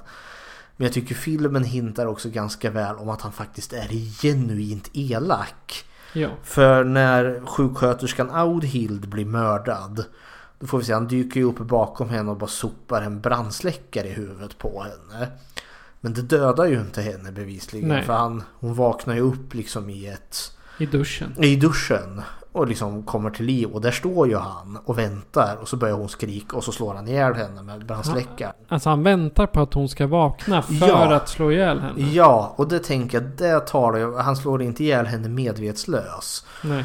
Utan han vill ha, han vill höra hennes skrik. För det blir ju en återkoppling precis i slutet. För Jannike, som sagt, hon gillar ju en fälla. Hon sätter sig, och hon har ett pumphagelgevär, tar en stol och väntar liksom vid huvudentrén. Men hon somnar ju. Ja. Och när hon vaknar upp då står ju dörren på vid gavel och hon kan se liksom fotspåren utav honom, liksom snön där. Och han står ju bakom henne. Och då har han bevisligen ställt sig där och väntat på att hon ska vakna. Han För leker med henne. Ja, för han hade ju lika gärna bara så stark som han är. Hade han ju lika gärna bara kunnat gått och hon sitter ju där och sover kan inte försvara sig. Bara gått där och vridit nacken av henne eller huggit henne med ishackan eller stenhackan han har. Men det gör han inte. Han vill Nej. att hon ska vara vid liv. Han vill att hon ska se att hon dör. Ja, typ så. Eller om han behöver hennes plågade skrik. Whatever. Men hon besegrar ju honom där tillsammans med Camilla. För det är då hon kommer in i spel. Han hörde ju på överhanden över henne men hon skjuter ju honom. Ja. Eh, och hon, skjut, ja, hon skjuter fingrarna av honom och klyver hans stenhacka i två. Ja. Vilket blir praktiskt för Jannike för hon tar ju den där vassa spetsen och placerar det i, i ja, rakt i hjärtat på honom. Ja, någonstans där. Ja. Eh, och sen, ja, men jag, när han ligger där död, eller förmodligen död, tar hon ju pumphagelgeväret och går fram till honom. Eh, och hon Camilla säger, men Jannike nu är han död. Hon bara säger, ja jag har dödat han en gång förut. Och sen bara pang skjuter hon honom i huvudet. Jag tror det var no Hon tänkte nog att göra det redan vid sjukhuset. Ja. Men hon valde att trösta Camilla först. Jajamensan. Det var liksom hennes... Eh, Ja men det kan jag förstå för hon, för då har ju Ola precis dött. Exakt. Och det visar ju på den mänsklighet Jannike har. Ja. Men jag gillar det här. Jag, jag tycker film nummer två är en jättebra uppföljare som håller måttet. Den håller alltså samma steg som ettan. Ja, Och framförallt så håller den sig inom mytos. Alltså det, det, den byter inte inriktning efter. och den är välspelad, den är välregisserad. Eh, bra musik, bra setting, bra allt. Bra kostym utav... ko- Jag var tvungen att skriva upp det för jag fastnade på namnet. Kostymdesignen är gjord utav Baron von Bulldog. Jag har, en, jag har en känsla av att det är ett fingerat namn. Jag misstänker det. eh, nu vart det här en lång och nördig om just film nummer två. ja. För jag hade mycket att säga om den. Vi ska väl gå till film nummer tre. ja, nästan. Har du gjort Bechteltest på film nummer två? Bechteltestet, det har jag gjort. Och jag kan eh, lätt säga att den klarar sig. Bechteltestet, de är ju för kvinnlig representation i film. Och vi försöker ju göra det på varje film här nu. För att eh, det finns en teori om att skräckfilmer är den som representerar kvinnor bäst. Ja. Eh, och då är fråga ett, finns det mer än... eh, Finns det, mer, finns det två namngivna kvinnor? Möter de någonsin varandra? Och om de gör det pratar de om någonting annat än män. Och ja, vi har, vi har ju Camilla och vi har Jannike. Vi har Audhild och vi har lilla tanten eh, Marie. Ja. Och alla kommer att möta varandra och de kommer prata om mycket annat än just eh, män. Toalettbesök bland annat. Toalettbesök bland annat. För det, det jag tänkte Camilla och eh, Jannike där, där de pratar om att För de säger ju han. Bergsma, eller Fjällmannen är ju en han. Om de pratar om honom så är det ju fortfarande att de pratar om en man. ja, jo, men då pratar de ju om en det är man. ganska lätt att lura sig på. För hade Ja. han varit troll Mhm. Då hade de inte pratat om en man. Nej, det och gör då de. hade det, även om de hade pratat om monster då, så hade de pratat om något annat än män. Men de, de, jag menar Camilla och Jannike sitter ju också i samma rum och pratar om hennes vänner och då talar man ju inte specifikt om några män. Nej. Och pratar ju också om det som har hänt och sen Camilla och Audhild pratar ju också i början där om nedläggningen utav sjukhuset. Ja. Så, hepp. Ja, då så. Då hoppar vi bakåt i tiden till eh, början på 80-talet och ger oss i takt med prequelen eh, Fritt Vilt 3 eller Cold Prey 3 från 2010. Så här kommer en trailer. Hey, I'm Ryan Reynolds. Recently, I asked Mint Mobile's legal team if big wireless companies are allowed to raise prices due to inflation. They said yes. And then when I asked if raising prices technically violates those onerous two year contracts, they said, What the f are you talking about, you insane Hollywood ass? F- So to recap, we're cutting the price of Mint Unlimited from $30 a month to just $15 a month. Give it a try at mintmobile.com slash switch. $45 upfront for three months plus taxes and fees. Promo rate for new customers for limited time. Unlimited more than 40 gigabytes per month. Slows. Full terms at mintmobile.com. Millions of people have lost weight with personalized plans from Noom, like Evan, who can't stand salads and still lost 50 pounds. Salads, generally, for most people, are the easy button, right? For me, that wasn't an option. I never really was a salad guy. That's just not who I am. But Noom worked for me. Get your personalized plan today at Noom.com. Real Noom user compensated to provide their story. In four weeks, the typical Noom user can expect to lose one to two pounds per week. Individual results may vary. Hva gjør det lille misfosteret ditt her? Han har ikke sett dagslys på flere dager, Gunnar. Han skal ikke være her.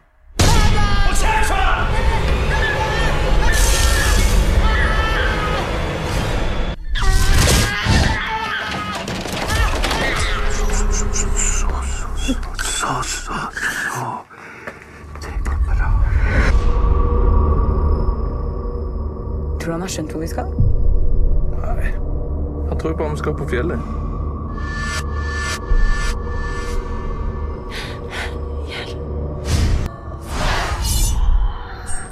Han har drept alle.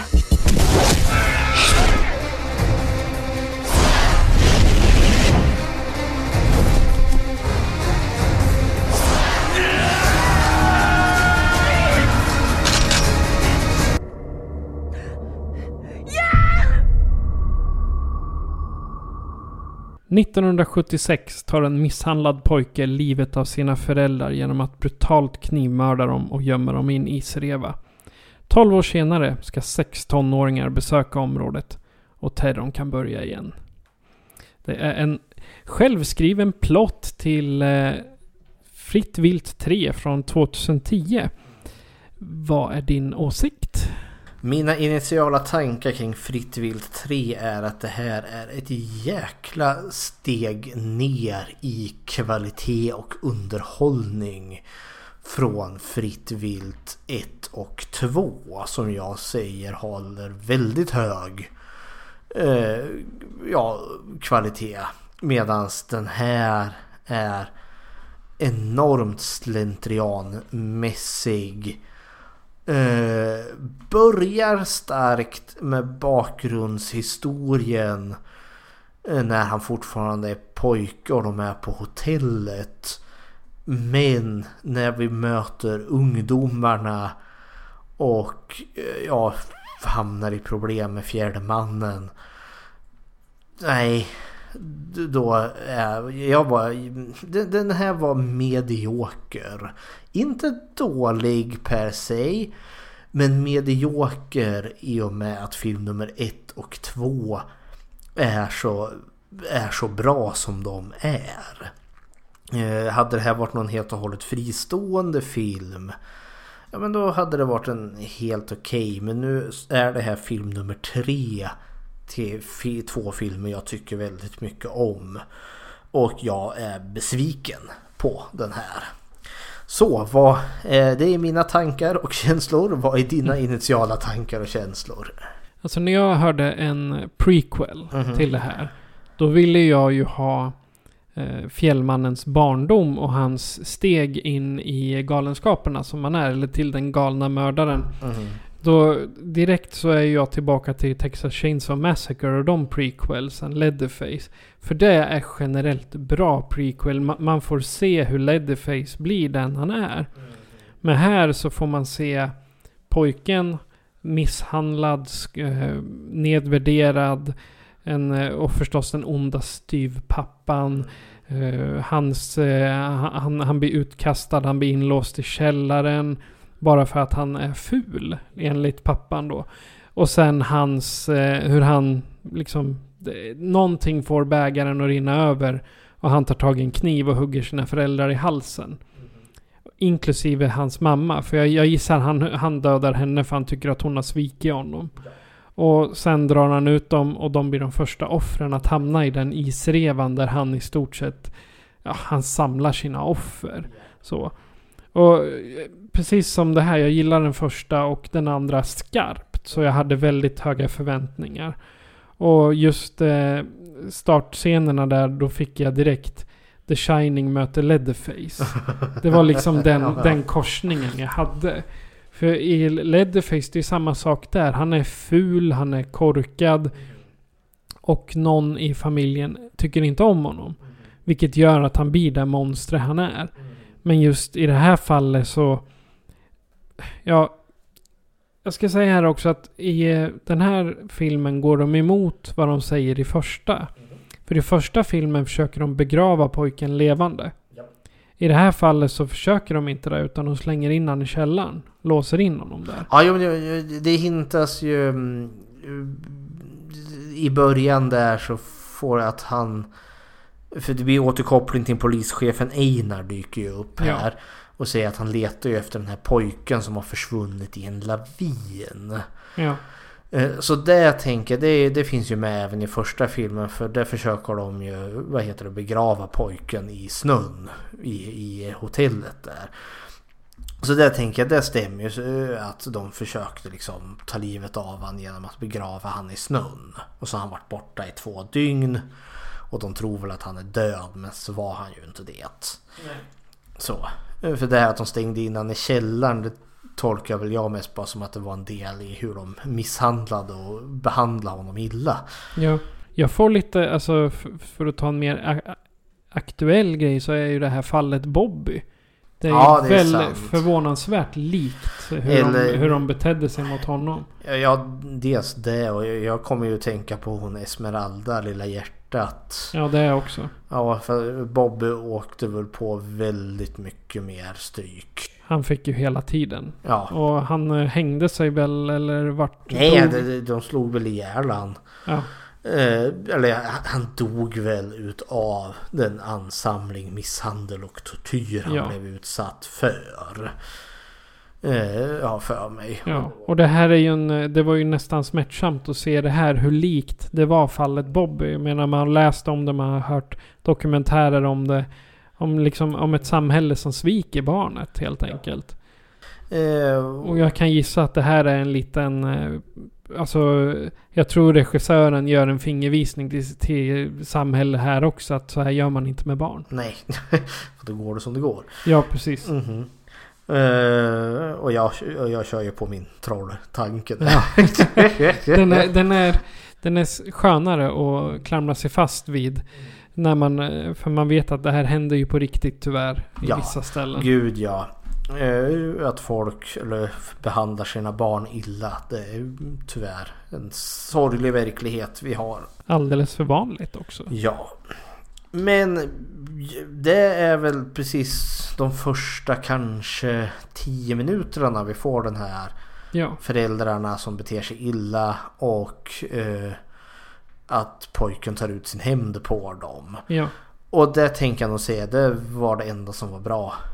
Eller som jag, då jag fortfarande var intresserad. Ja, det, det, då, då, då, då tittar man på skärmen hela tiden. Man höll intresset och det var spännande. Ja, men det är också för att det, vi är tillbaka på hotellet och det, det är också en sån jävla, alltså vad heter det? Eh, detalj här. Alltså det är samma hotell. Jag känner igen det och liksom Ja. scenografin är snygg och hela konkarongen. Eh, och vi får lite mer bakgrundshistoria där. Och samtidigt är jag så här e- efter slutet på Fritt vilt 2 så kan inte jag påstå att jag kände oh shit jag behöver Fjällmannens bakgrundshistoria. Jag vill veta mer. Vem var han och varför vart det som det vart? Men ja okej. Då- Nu får vi en sån. Och jag tycker inte den här filmen är särskilt bra på att förklara Nej. det. Över vi får liksom den här ja, styrpappan är dum i huvudet. Eh, Eh, På grund av det här solmärket han har. Men det är allt och det känns lite futtigt. Jag hade kanske mer då behövt Alltså en se- mer ingående. Var, Ja. Varför tycker styvpappan illa? Och vart är hans riktiga pappa? Ja. Liksom var det hans riktiga farsa som liksom dog och sen att den eh, styvpappan tyckte han var så ful och trög att han ville ta ut någon eh, psykologisk... Ja, men jag hade behövt en halvtimme uppväxning, alltså en film där man ser vad, varför har han blivit som han blir. Ja, men istället så får vi ju En ny första film. en ny egentligen. första film. Ja. Eh, för här kan vi ju göra samma sak. Prata karaktärerna, prata platsen, prata fjällmannen. Ja. Och vi kan väl börja med karaktärerna då. Eh, för våra ungdomar är ju då det är sex stycken kids. Eh, eller ja, inom situationstecken kids. och det är då Mag, Magne. Hedda. Eh, Magne, Hedda, Knut, Simen, Siri och Anders. Ja. Och här då, då, då film 1 och 2 hade tredimensionella karaktärer Ja. med djup. Så har den här inte alls det. För här, jag har skrivit ner liksom vad som definierar dem. Det har jag också gjort. Nu får vi se vad, du, vad, vad, vad, vi, vad vi anser. Jag har skrivit Magne, jeansjacka. Jag har beskrivit honom som tönten. Tönten. Knut, Siris kärleksintresse. Eh, Siri, eh, Final Girl? Frågetecken. Men så visade det sig att det var hon ju inte. Nej, jag, jag, jag skrev Siri som blondinen. Blondinen. Den korkade. Simen, eh, idioten. Duschen. Ja. Eh, Anders, Heddas pojkvän. Ja, det skrev jag samma Ja. sak. Hedda, Final Girl. Ja. Och mer avancerat än så blir det inte. ja. Vi har ju en, en till. Vi har två. Eller ja, en till och det är ju då Jon. Ja, vilket är Knuts bror. Knut... Nej... Eh, Knut är väl polisen? nej, Einar. Einar. Einar, Eh, ursäkta. För det är ju det är ju samma polis som i, i film nummer två. Så är det ja. Ja. Einar heter den. Eh, och det är ju då hans bror Ja. och han... De har väl inte den bästa kontakten. Nej. visas från första början. eh, Jon är en, en ensamstöring som inte funkar bra på människor och bor i en stuga ute i skogen. Och, Precis. Och eh, lång historia kort, eller det är inte ens en lång historia kort. Det är ju han som har typ tagit hand om pojken efter, är det underförstått. Och sen har ja, pojken då liksom vuxit upp i hans källare och där då blivit fjällman. Mm. Men det får man inte veta förrän typ 40 minuter in i filmen. Ja, nej det när, får de, man. när de, när han tar, för om vi, om vi ska gå, alltså karaktärerna, det har vi redan sagt allt. Man behöver inte gå, gå något djupare. Nej, för de är inte djupa. Och Jon, alltså den karaktären. Alltså han ska vara det, det, det obehagliga äcklet. Ja, vilket han är. Men Ja. jag trodde Jon var pojken från början. När, Jaha. när man träffade på honom första gången. Ja, ja, ja. Innan jag liksom kopplade att det var Einars bror. Ja, Jag, jag tolkar det som att Jon var den här pojken eftersom han var ute i skogen. Han var lite enstörig.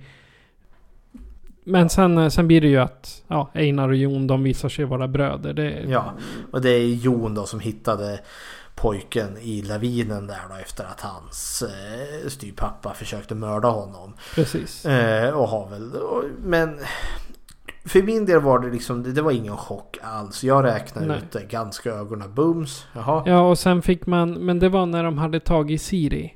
Ja, ja men då, jag hade räknat ut det innan dess. Det hade inte jag. Nej okej. jag tyckte, för, för sen... De gjorde ju, alltså grejen är ju, de här ungdomarna de ska ut där och så ska de sova under bar himmel och Säger de. Ja, Siri och Knut de ska ut i, i skogen och ha lite kuckelimmur. Och så ramlar de ner i en fälla. Som vi då, eh, och Knut, eller jo, Knut blir spetsad på en påle som står rakt upp. Siri blir inte där, lyckas klättra upp och eh, när hon är borta så kommer fjärdemannen och fiskar upp Knut och tar han till sin bod och eh, hänger upp han som ett slaktdjur. Nej, han blir inte upphängd. Han eh, spänner honom på ett Spänner. bord. Ja, och sen sprättar upp honom med en machete där. Ja, han, han, han, han leker. Det är lite som Leatherface där. Ja, jag tolkar det inte som Leatherface. Uh, inte, på det, inte att han leker på det sättet. För det finns en liten back. är ju att när, när, när Jon kommer tillbaka. eh, och ser att han har dödat den här Knut. Så blir han ju arg på fjärdemannen. Och ser åt honom att djur får du döda men inte människor. Och då tänkte jag, jaha okej, är det här då första gången, alltså första gången fjällmannen har mördat en människa förutom sina föräldrar då? Ja, kanske det. Och han har då levt liksom, han har preparerat skogen med fällor och ja- jagar rådjur och kaniner Mm. och whatever. Och det har varit helt okej. Och då trodde jag liksom att det kanske skulle få med sig det här liksom att eh, kanske varit mer intressant med att Jon har fostrat den här fjärdemannen. Eh, Men nu börjar han liksom tappa greppet om fjärde, för fjärdemannen börjar liksom gå åt ett annat håll. Han liksom får obehagligt intresse av de här ungdomarna. Men nej, det är ju snarare som att det är han Jon som får obehagligt intresse utav ungdomarna för att unga tjejer med tuttar är ju, är ju, är ju snyggt. De kanske jag ska ha i min källare så jag kan klämma på dem. Ja, det hörde man ju i trailern också. Åh, du är så duktig och... Ja. Och den blir för, Siri blir ju fast. Hon söker ju hjälp och har ju oturen att springa på Jon där. Eh, och hon blir ju då fast i hans källare. Eh, för han kidnappar henne och typ klämmer och känner lite på henne och liksom mm, mums filesmask. Du, Hon biter väl honom rätt så illa också. Ja det gör hon och så får hon, lite, får hon lite spö och så kedjar han väl upp henne så ska hon leva i hans källare som hans sexslav. Ungefär Eller så. Sånt där. Och jag kände liksom att "Åh, det här var inte riktigt vad jag hade tänkt mig men fine. Och, och fjärde mannen vandrar omkring där och mm, Jon säger åt henne "Eh, Henne får du inte ha ihjäl för fjärde mannen vill bara Hon är min. hon är min och fjärde mannen vill bara mörda, mörda, mörda, mörda, mörda. För det är hans motivation. Eh, jag vill återvända lite till alltså inledningen i den här filmen. Eh, När...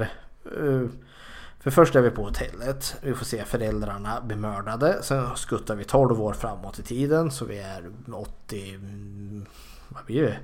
80, Från, från 76 och 88. 88 då. Och, och de här kidsen, eller ja, de här sex ungdomarna ska ut i skogen och de ska hajka. Och så vitt jag har förstått, eller som jag tolkar så skulle de ta sig då till hotellet. Ja. För de har hört, för de pra- pratar ju om den här berättelsen om oh, grabben som försvann, oh, var så spökligt. Och, och så kommer de till hotellet. Och så öppnar de den. Och så står de där, men gode gud det är ju dammigt och jag såg en mus. Nej usch vad äckligt, här kan Här vi inte... vill jag inte sova. här kan vi inte vi måste sova under bar himmel och så dundrar de iväg. Och jag kände, say what? Vi var ju precis i hotellet här. Nu trodde jag vi skulle att... Ja, fjärde Jag trodde allting skulle hända i hotellet. Ja, fast nu är det ju sommartid istället då. För nu är ju inte det vinter. Nej. Som det har varit i de andra två filmerna. Nej, istället ja, men eh, gör de lägereld och ska sova under bar himmel. Och så står de där. Är det någon som har kläder med sig? Nej. Är det någon som har mat med sig? Nej. Men jag har sexpack öl med Ja, vi har varsin öl och jag satt och frustrerade men vad fan. De andra karaktärerna var trovärdiga och smarta. Här känns det som att det är sex idioter som skulle ut på något fjälläventyr men ingen har packat för att leva i vildmarken. Förutom han Simen, idioten, för han har tagit med sitt automatiskt gevär, en jävla AK5 av något slag. Ja, han, gick, han gick med i hemvärnet Ja, för, då- att han, för att få det där. Ja, och den har han tagit med sig. Och den fyller inte en, ett skit i handling. För Nej. jag tänkte att när han river fram det där jävla automatvapnet. Då tänker jag, ja, okej, det, det här vapnet kommer de behöva för att besegra fjällmannen sen. Men nej, han, han springer omkring och leker Rambo i, i skogen för att han är en douche. Eh, och då har han också innan Det har vi, vi har förstått att han är en douche. Eh, För att han sitter och spelar någon Gameboy-spel och ger dryga kommentarer. Och sen liksom får man eh, gärna också kommentarer. Ska ni knulla? Och eh, knulla? eh, Har, har ni sex? Ska ni knulla? han är väldigt sån också. Så vi, vi har, vi har, karaktären har gått och blivit stereotyper. Ja. Men han, han springer ut i skogen och leker Rambo med sitt automatvapen. Fjärde mannen dyker upp och trycker upp han mot en gran. Så att en kvist går in i hans bakhuvud. Han, dö, han dör rätt så snabbt. Han dör ganska strid. omgåendes. Ingen strid eller någonting. Nej. Jag tror inte ens vi får se utan man hittar väl bara honom död och så faller han ner och så. Ja, det är väl Hedda som hittar honom. Ja. Som hon hittar alla. Ja. Grejen är ju den... Vi, vi, vi har en väldigt... Alltså ganska tidigt blir det att Fjällmannen finns. Alltså Knut dör, Simen dör, eh, Siri sitter fast i Jons källare. Resterande karaktärer, Magne, Hedda, Anders upptäcker att Fjällmannen finns och han jagar dem i skogen. Och det blir ett väldigt lång... Alltså majoriteten av filmen består av att de springer i skogen. Fjällmannen kommer farandes lite efter dem. De hittar ett övergivet hus, gömmer sig i källaren. Någon sticker upp huvudet. Fjällmannen går omkring. Någon kryper, de kryper in i huset, vart är fjällmannen? Fjällmannens skugga försvinner. Eh, och sen... Oh, nu, nu är fjällmannen borta, nu kan vi komma upp ur, ur hålet, ur källan där. Kommer upp ur håret, tappar någonting, fjällmannen kommer springandes. De flyr från fjällmannen. Åh, anen, anen, anen. En an, en an. För den här scenen när de är i det här övergivna huset och gömmer sig i stugan. För att gömma sig från fjällmannen. Är en scen på kanske typ en kvart och de ska bygga spänning. Och jag satt och tänkte... Det, Vadå spänning? det var ingen spänning, det var helt och hållet med. Det var ett försök men eh, inte ett lyckat försök. Ja, men det ledde liksom ingenstans. Det enda det ledde till att vi fick lite upp, ett uppehåll i den här jakten. Och sen var det ju ut i skogen och springa igen. De hittar polisens bil och försöker liksom ta igång den. Ja, det är bara Mange som hittar den. Ja, det, ja Hedda dyker ju upp där också. Och, men så dyker ju fjällmannen upp och sen är det också springandes vid någon jävla flod. Och fjällmannen står och skjuter pilar på dem. Ja, han blir väl... eh, Heddas pojkvän Anders blir väl träffad av Ja, han får en pil genom, genom axeln där. Och Knut får en pil genom foten, har för mig. I slutändan, alltså det är bara ett långt springande fram och tillbaka. Och, all, och i slutändan hamnar alla i Jons stuga. Och där dör alla karaktärer förutom Fjällmannen. Och polisen. Ja, och polisen. Einar där. Eh, för att... Och, så, och stugan brinner ner. Eh, och fjällmannen får vi se det sista vi får se beger sig upp på fjället och blickar ut över eh, hotellet där. Och vi förstår att ja, nu kommer han bo där. Ja. Och där, där fick jag också lite Texas Chainsaw Massacre. För monstret återvänder alltid till sin lya. Ja. Precis som Leatherface. Han återvänder till sitt, till sitt lilla slaktrum där. Och jag vet inte.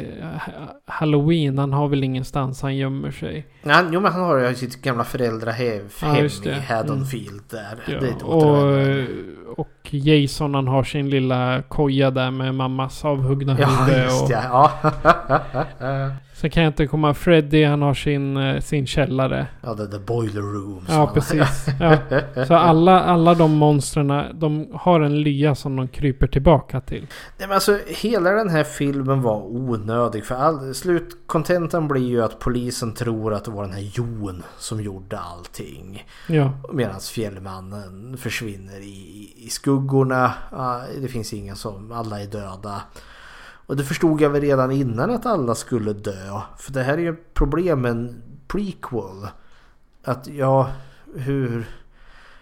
Ingen av de här karaktärerna kan ju överleva för då kommer de ju berätta om Fjällmannen. Och vi vet Ja. att Fjällmannen dör ju inte i den här filmen. Nej. För det gör han ju i film nummer två. Eh, nej, alltså den, den var tråkig. Eh, Jag tyckte inte att klimaxet gav någonting. Det gav Nej. inte någon utökad berättelse. Nej, jag tyckte bara det var synd för man får ju se ansikte på fjällmannen här. Ja, och det fick man ju inte de andra för han är alltid dold bakom sin skidmask. Och jag tycker det är synd här att, eh, att man fick se det. det. Det hade jag lika gärna kunnat vara utan. Ja, jag känner också det. För han har liksom hörde i, mör- i, i dunkel. Men... Ja, nej, det här är en svaghet. Men jag tänker inte... Alltså, jag tänker inte säga att den är urusel. Alltså, den påminner Nej. mycket om Wrong Turn. Ja, ja, ja. Det är, en, det är lite eh, Texas Chainsaw Massacre möter Wrong Turn. Mhm. Möter eh, vilken slasherfilm som helst egentligen. Ja. Och sen, den här var väl också den våldsammaste i serien. För det är väldigt mycket... Den är väldigt mycket mer grafiskt. Mycket mera blod. Ja, och det är ju mycket mer att han liksom fjällmannen hänger upp folk i sin slaktstuga och så sprättar han upp dem som om de vore slaktdjur. Och hugger händerna av dem. Ja, och det påminner ju ganska mycket mer om Motorsågsmassakern, Ja. tycker jag. Men samtidigt, det är inte riktigt heller som... För i ett film 1 och 2 då har han ju liksom bara stått där och sen attackerar han dig med den här stora ishackan. Och sen inget mer. Och sen inget mer. Han ska döda dig så snabbt som möjligt. Eh, Men här var det ju verkligen så om jag ska blöda dig som ett djur.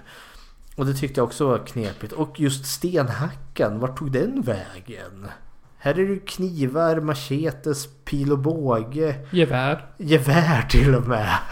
Hans signaturvapen som han har haft i två filmer. Vart tog den vägen? Jag trodde någon gång under filmens lopp skulle han liksom hitta den här. Aha, titta där är mitt vapen. Och börja hugga ihjäl folk. Ja, men eller att han skulle använda det för att ta sig upp till hotellet eller vad som helst. Men han... Den bara kommer utan förklaring sen. Ja, eller den dyker inte ens upp alls i den här filmen. Nej, och det är lite synd. Jag hade gärna sett att...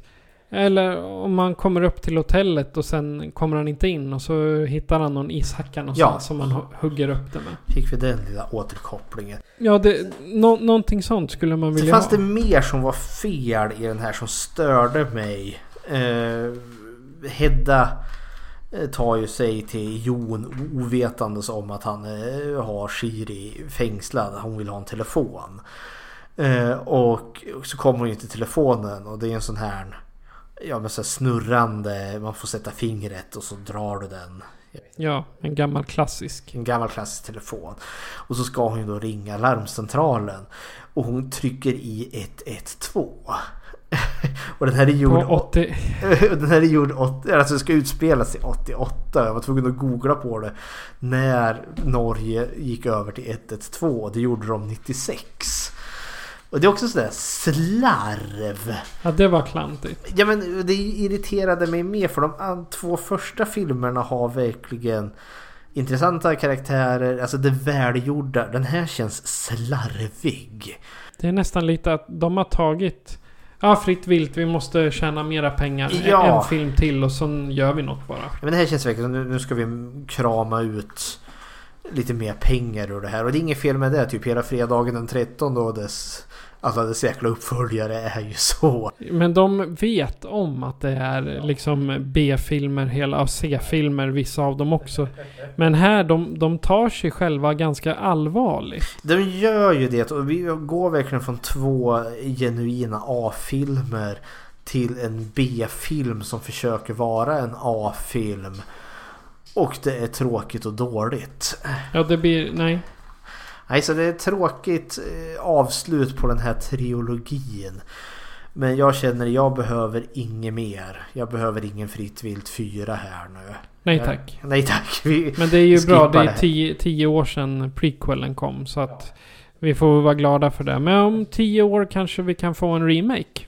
Ja, ja. Eller en reboot. Eller en reboot, vem vet. Något av det. Men för att vara en nordisk slasher-trilogi eh, så är den i särklass den bästa, helt Ja. klart. Och första filmen är fortfarande den bästa. Ja, Den är- tätt fullt utav den andra. Ja, så det är liksom 1, 2, 3 och det, tyvärr så går den ju bara neråt i kvalitet då. Ja, men det är- Även om ettan och tvåan är relativt lika i kvalitet. Ja, och, de har ju, och det är ett väldigt markant hopp ner i kvalitet. Ja. Nåväl. Har du gjort ett Bechdel-test på den här? Ja, det har jag. Eh, vi har två namngivna karaktärer. Det är Hedda och Siri. De träffar varandra, ja. Pratar de om något annat än män? Jag tror det. När de, när de står nere i källaren så pratar de om någonting Ja, annat. det gör de ju. För hur de ska överleva och allt det där. Så utav de här tre filmerna så tycker jag, om du inte har sett dem, vilket jag kan förstå, det är fler som inte har sett de här. Eh, så vitt jag förstått så kan jag ändå så verkligen rekommendera film nummer ett och två. För det är två genuint bra skräckfilmer. Ja, definitivt. Och sen att det är en nordisk granne så ska vi väl vara glada för det också. Ja, vi är inte bortskämda med nordiska slasherfilmer, det kan vi inte Nej. påstå. Nej, faktiskt inte. Och jag tycker det är synd för det, det finns potential. Jag menar jag kunde ju koppla in liksom lite fornordisk mytologi med min misstanke om att fjällmannen eventuellt är ett troll. Ja. Och jag menar, och det, det skulle kunna funka. Ja, Nu- det skulle definitivt. Ja, och jag tycker... Ja, den har kittlat min fantasi. Men kom ihåg att första filmen är en seriös slow burn och andra till viss del. Den är mera slasher-esk, tvåan. Den, ja, det är den helt klart. Men en väldigt bra slasher. Och trean är ju en renodlad slasher. Ja, med lite wrong turn, Motorsågsmassakern, vibbar. Ja, slasherfilmer. Ja, och men... eh, Ah, Blod, kan- död, naket och Ja. eh, sex. Tredje filmen kan ni skippa om du inte vill vara en completionist och se allt. Men den, den är verkligen onödig i den här Väldigt serien. onödig. Ja. Men det var väl allt jag hade om, eller vi hade om Fritt Vilt. Ja, Fritt Vilt-franchisen. Ja. Jo, det är allt. Men om du som eh, lyssnare har någonting om Fritt Vilt eller kanske önskar en annan franchise eller bara vill säga hej så kan ni göra så här för att kontakta oss. Skräckfilmscirkeln presenteras av Patrik Norén och Fredrik Rosengren. Besök skräckfilmscirkeln.com för att se hur du kan kontakta oss, var du kan följa oss och hur du kan stödja oss. Lämna gärna ett betyg på iTunes, Spotify eller Podbean så att fler kan njuta av våra diskussioner. Tack för att du lyssnar! Och Fredrik, nästa avsnitt, var hamnar vi då? Nu har vi varit i de nordiska eh, fjällen här och huttrat i, i vintern. Och så nu står vi inte ut längre så nu lämnar vi jorden totalt och så går vi in i kylan i rymden. Vi ska snacka science fiction skräck. Och vi ska se filmen Event Horizon. Yay! Har du någon särskild eh, relation till den? Nej, det har jag väl inte, men den är, den är bra. Det är liksom, eh, vad heter det, Hellraiser. Seriösa Hellraiser-vibbar i Event Horizon. Det är lite Hellraiser möter Aliens, känner jag. Okej, det är alldeles utmärkt. Men eh, vi har väl inte så mycket kvar att säga mer än att jag heter Patrik. Och jag heter Fredrik. Du har lyssnat på Skräckfilmscirkeln. Adjö på er. Adjöken.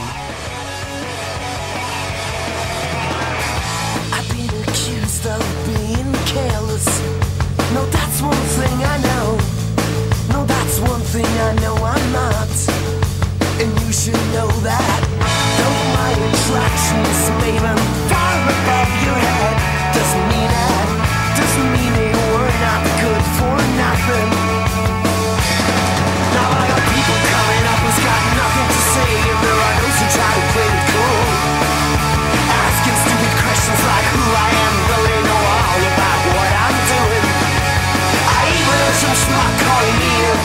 Stay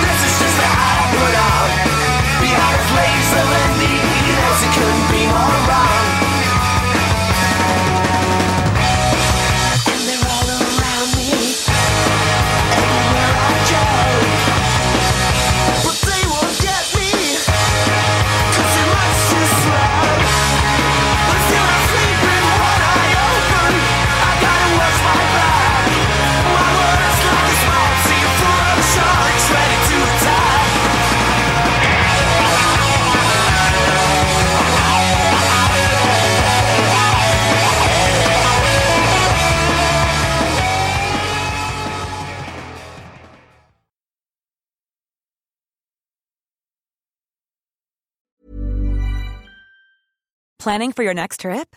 Elevate your travel style with Quince. Quince has all the jet setting essentials you'll want for your next getaway, like European linen, premium luggage options, buttery soft Italian leather bags, and so much more. And is all priced at 50 to 80% less than similar brands. Plus, Quince only works with factories that use safe and ethical manufacturing practices. Pack your bags with high-quality essentials you'll be wearing for vacations to come with Quince. Go to quince.com slash pack for free shipping and 365-day returns.